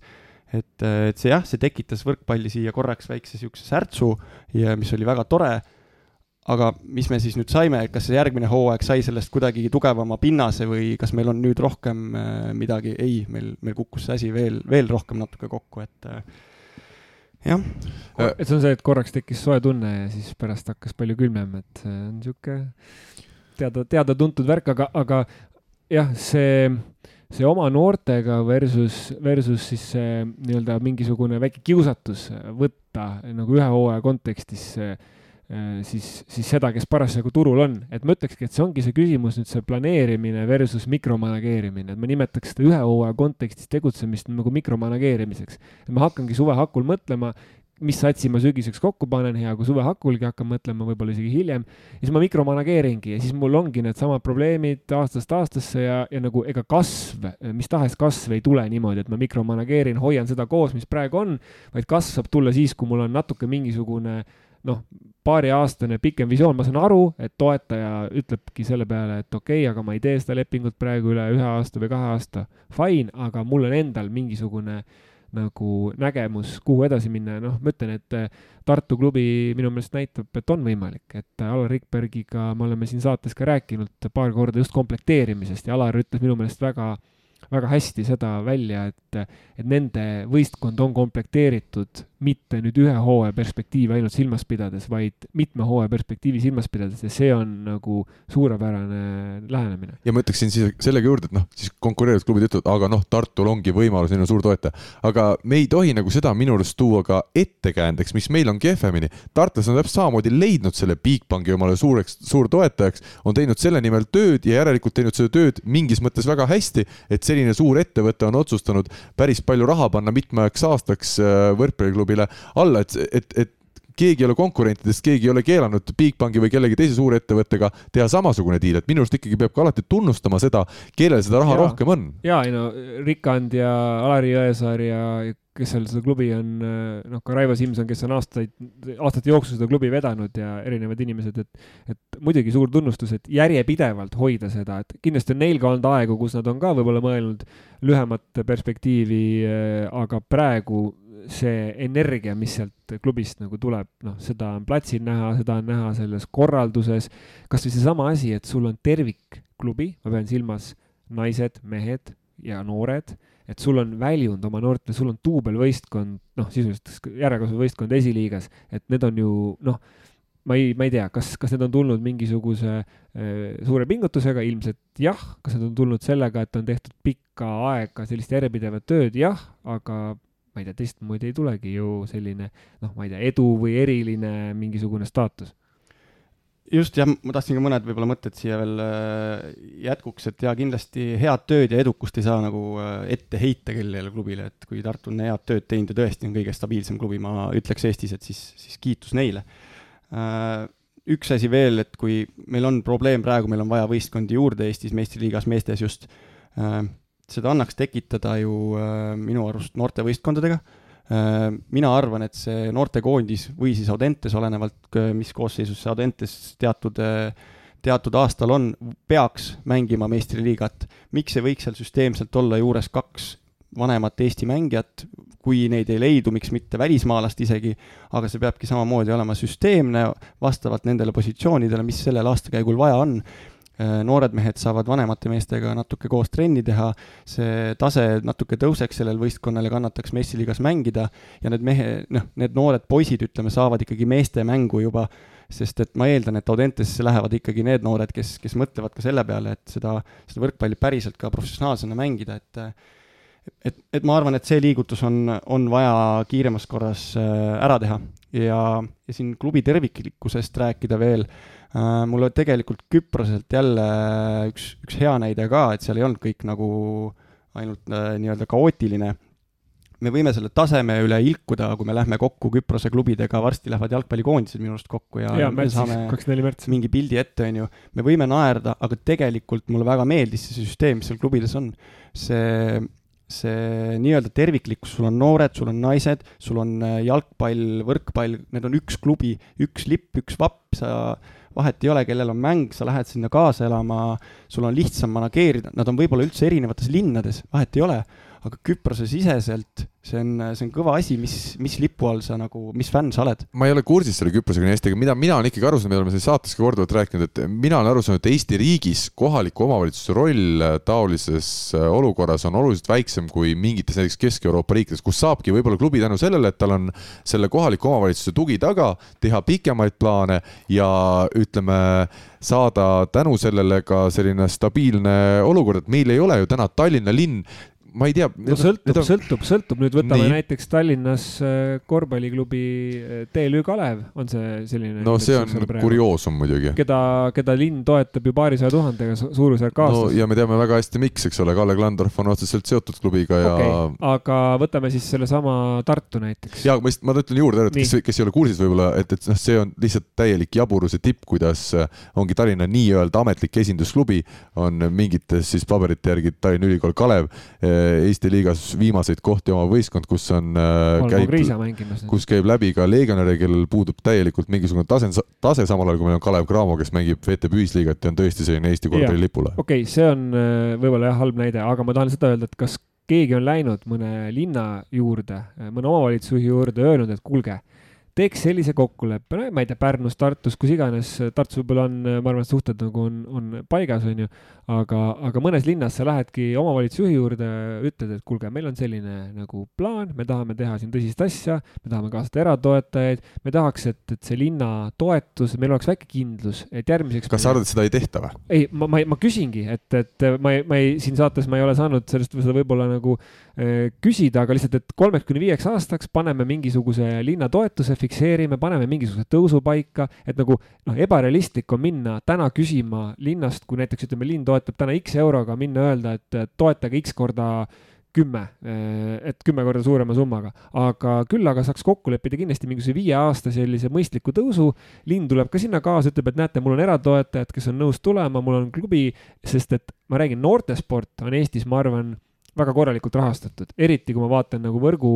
näitel, kus hallid on olemas, me ei saa üheski omavalitsuses öelda, et poleks kohta, kus trenni teha võrkpallis. ma, ma ei, vähemalt ei ole kuulnud. ma tean, et noh, Harjumaal ja Tallinnas ikkagi on see saal probleem, ma ei tea, palju okay. see noortega seotud on, aga noh, selgelt on saale vähem, kui on äh, nõudlust okei okay,, siis, siis, siis ma võib-olla natuke, natuke võtan sealt tagasi, aga, aga ma ei ole vähemalt nagu enamik, ütleme siis enamikes kohtades ma ei ole kuulnud, et see oleks probleem. omavalitsus maksab pearaha äh, üldjuhul, no erinevad süsteemid on, aga üldjuhul makstakse noorte eest pearaha, mis on väga korralik. siis on, äh, siis on see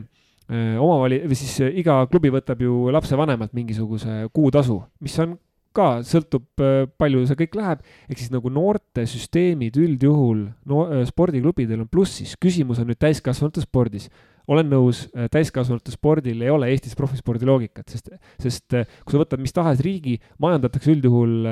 nagu suured rahad tulevad üldjuhul kahest asjast, teleõigused ja piletitulu. Meil ei ole kumbagi mitte ühelgi spordialal sellises, sellises määras, et me saaksime sellest ära elatada Äh,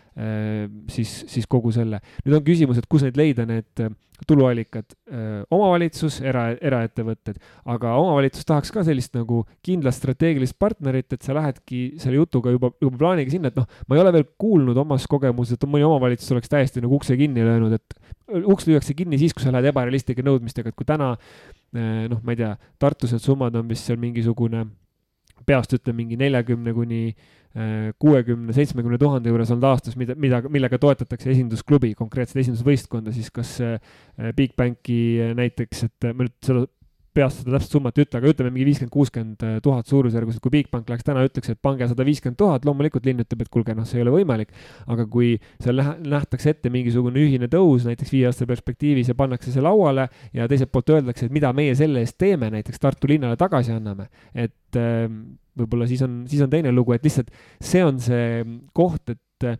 et võib-olla see taustal toimub, see töö kõik ja me lihtsalt ei tea siin saates seda, aga ma ei ole kuulnud vähemalt. pluss on, ma ütlen lihtsalt,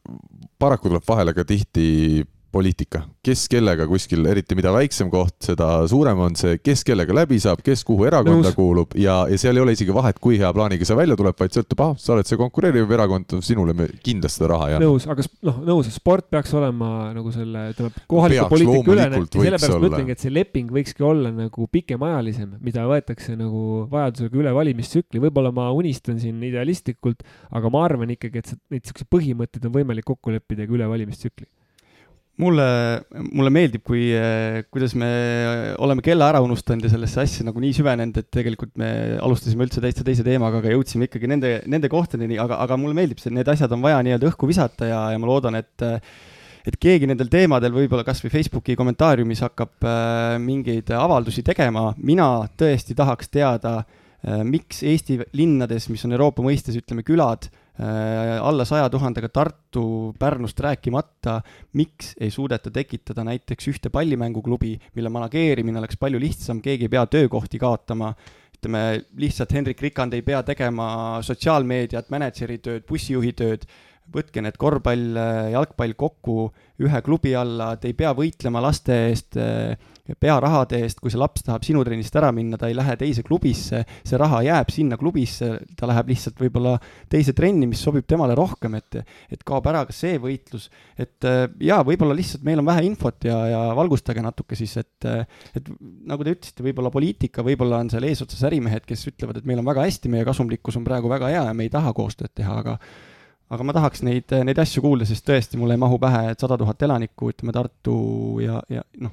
ei peaks see nii, nii lai olema Tallinnas vist kas spordiklubi Nord on, kui ma õigesti tean, on, on teinud midagi sellist, et erinevad spordialad võtnud enda, enda alla, vähemalt noorte see on vist väga algeline veel. jah, mida, midagi seal vähemalt on, et ma olen. Gerd Kanter juhib seda minu teada. Äh, jään selle vastuse täpsemalt võlgu, et, et aga, aga jah, põhimõtteliselt seal, seal mingi alge on tehtud, aga mul on ka hea meel, et nagu Taavi personaalküsimusest, millest me tegelikult alustasime, jõudsime põhimõtteliselt nagu väga, väga sügavuti, sest et noh, see, see puudutab konkreetselt, et pigem ma arvan, siin ruumis on on kolm inimest, kellel on kõigil kahju, et selline mees sellise potentsiaaliga on täna võrkpalli jaoks rakendatud kõigest kuldse game'i külalise ja Karin Aldo kaaskommentaatorina ja okei okay,, jaa, Põltsamaa esiliiga mängijana ka muidugi, aga seda nagu on vähe, ma ütleks. mänge on palju, ta on üles antud. ma olen üles antud. Äh, ma, ma lubasin ennast sinna tõesti ära, sest et äh, mul on endal mingid põhimõtted, et miks ma ei hakanud näiteks meistriliigas praegu töö kõrvalt mängima. esiteks ma ei teadnud, et äh, kuidas hakkab välja nägema minu, minu argipäev teiseks, mulle ei meeldi üldse teha asju poolikult. Äh, ma käisin mängimas mõnda mängu nii, et ma ei olnud trennis käinud ja ma sain kohe aru, et see ei ole minu jaoks esiteks sain ma aru, et äh, ma ei ole mängija, kes mängib mingisuguse loomuliku ande või puute pealt, mul ei ole seda, see kõik äh, minu, minu vorm oli ikkagi treenitud, nii et kui ma praegu väljakule lähen, siis, siis see on kole, ma ei naudi seda ise ja seda ei ole ka tore vaadata, et ma võin olla füüsiliselt äh, välja näha veel nagu okeis vormis ja, ja tõenäoliselt ma võiksin mängida, aga, aga ma ei, hetkel liiga värskelt on meeles, et, et kuidas ma olen suutnud mängida. Ja, ja ma ei, ma ei naudiks praegu seda, neid liigutusi, mis ma teen aga tõesti, Põltsamaa esiliiga võistkonda ma lasin ennast üles anda, neid pakkujaid oli ka teisi, aga, aga noh, ilmselgelt kui Põltsamaa sellise projekti ette võttis, siis ma, siis ma nendega liitun. reaalsus ongi see, et äh, ma ei ole jõudnud ühtegi trenni, ma ei, ei saanud ennast selles mõttes lubada ka, ka mängudele, et äh, mul ei ole ka olnud vaba aega isegi, vabu päevi, et, et nendel mängudel osa võtta ja ja, ja kahjuks nii on jah, et ma nii-öelda poolikult äh, kuidagi ei, ei taha neid asju teha. mis oli üldse eriline ju möödunud suvi, äh, mille poolest, selle poolest, et kolm Eesti ikkagi tuntud diagonaalründajat, äh, Indrek Pulk, Siim Põlluäär ja ka sina, Taavi, lõpetasite karjääri samal ajal ära ja arvestades seda, kuidas ikkagi meil on olnud diagonaalründajatega defitsiit, siis see oli, see oli päris huvitav ja üllatav, ma usun, et kokkuvõttes see vist langes lihtsalt juhusega kokku natukene, kuigi kindlasti oli oma osa ka sellel, et ei olnud enam Rakvere-sugust võistkonda meistriliigas, ei olnud enam Saaremaa-sugust, et kui ongi ainult neli võistkonda, siis paratamatult neid äh, väljundeid ongi vähe. jaa, kindlasti need, need kolm äh, koos minuga, keda sa nimetasid, me oleks võinud, ma arvan, kõik veel mängida, et äh, võib-olla pulgal oli tervisega rohkem jamasid, ma usun, et Põlluäär oleks võinud võib-olla väiksema koormusega ka oma, oma, oma tervise sellisena hoida nagu, et, et ta suudaks mängida minul tervis korras, ma oleks võinud ka vabalt mängida veel ja, ja ma pigem nägingi loogilise üleminekuna seda, et ma tulen Eestisse, ma veel mängin, võib-olla ma leian juba kõrvalt natukene midagi ja ma teen nii-öelda üleminekuaasta. aga jah, seda kohta lihtsalt ei olnud. kas täna on variant, et sa naased meistriliigasse mingil hetkel või oled sa täiesti selle ukse sulgenud? Ma ei sulge kunagi ühtegi ust, mul on olnud elus juba selliseid äh, üleminekuid ja, ja elumuudatusi, mida ma noh, üldse ei ole planeerinud, nii et ma tean, et neid võib tulla täpselt sama ootamatult ka, ka edaspidi, aga praegu ma tõesti naudin seda uut keskkonda siin äh, iglupargis, uusi inimesi, kuidagi sai need silmaklapid natuke eest ära, et ma olin nagu nii võrkpalli kinni jäänud, ma ka vabal ajal vaatasin võrkpalli Äh, sõpru on ka natuke võrkpalliväliselt, aga no ütleme, enamus suhtlus käis ikkagi võrkpalliringkonna sees ja ja tõesti kuidagi värskendav on seda mingit, mingit muud asja praegu teha. aga igatsus ikkagi natukene on sees olemas? tead, ikka on, selles mõttes äh, see, sellepärast mulle meeldis ka natuke see kommentaatori äh, asi, et et see on kuidagi niisugune asi, milleks jälle lülitad ennast korraks äh, sinna võrkpallilainele, saad äh, ennast natuke rohkem jälle kursis hoida, on jälle põhjust kursis hoida, et loomulikult ma jälgin, aga aga nagu ma ütlesin jah, et see mängimise asi sai nagu hästi realistlikuks kohe, kui ma läksin pärast trenni tegemata mängima, et et, et seda isu õnneks ei ole praegu, et siis ma tean, et ma peaksin natuke aega vaeva nägema ja siis ma jälle saaksin nautida, aga aga, aga praegu jah, ma võin suvel võib-olla randa minna sõpradega, aga, aga saalis on hästi, hästi raske praegu Taavi, sa oled käinud selles mõttes niisuguse kadalippu läbi nagu Audentes ja siis rääkisid pärast ka, ka veel kehakultuuri ja kõik asjad, et aga just Audentese puhul me oleme siin mitmed puhku rääkinud, et kuidas sa hindad, palju see sulle juurde andis, oli see üks põhjus, miks need tingimused seal, miks just äh, tipptasemel võrkpallur sai ja, ja soovitad sa näiteks tänapäeval, ütleme siis praegu noortele, kes, kes võib-olla kuulavad ja mõtlevad selle peale, et okei okay,, et kas must võiks võrkpallur saada, kas ma võiks Audentesse kandideerida, mis, mis see periood sulle andis? uh, see andis, see andis ikka väga palju, mina ei oleks päris kindlasti võrkpallur, kui ma ei oleks Audentesse läinud. Äh, sel vanuses, selles vanuses, kui, kui ma Audentesse läksin,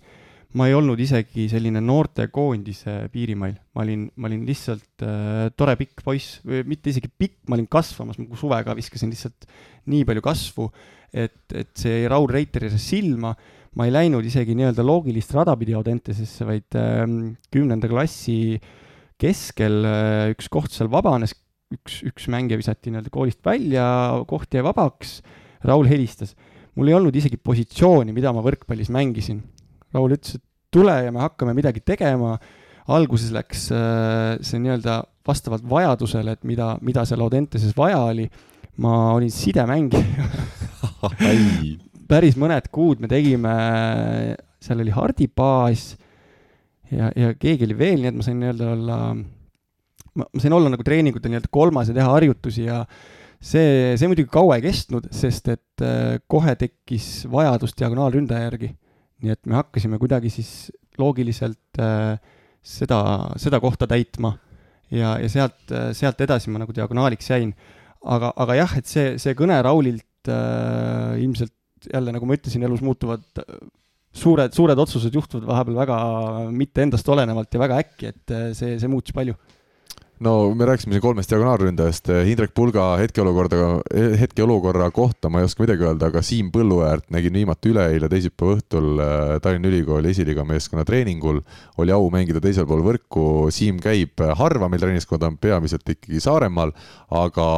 oli siis trennis olemas seekord ja mängis libero kohta, kuna rünnata ei saanud ja teeksin küll kummarduse siin ka omalt poolt sedasi heli, heli vahendusel vähemalt diagonaalründajatele, et Siim Põlluäärt Põlluääre ikkagi oskused liberona ehk siis kaitsemängus on suurepärased. minul mõni üksik löök õnnestus lüüa nii, et Siim seda kätte ei saanud, aga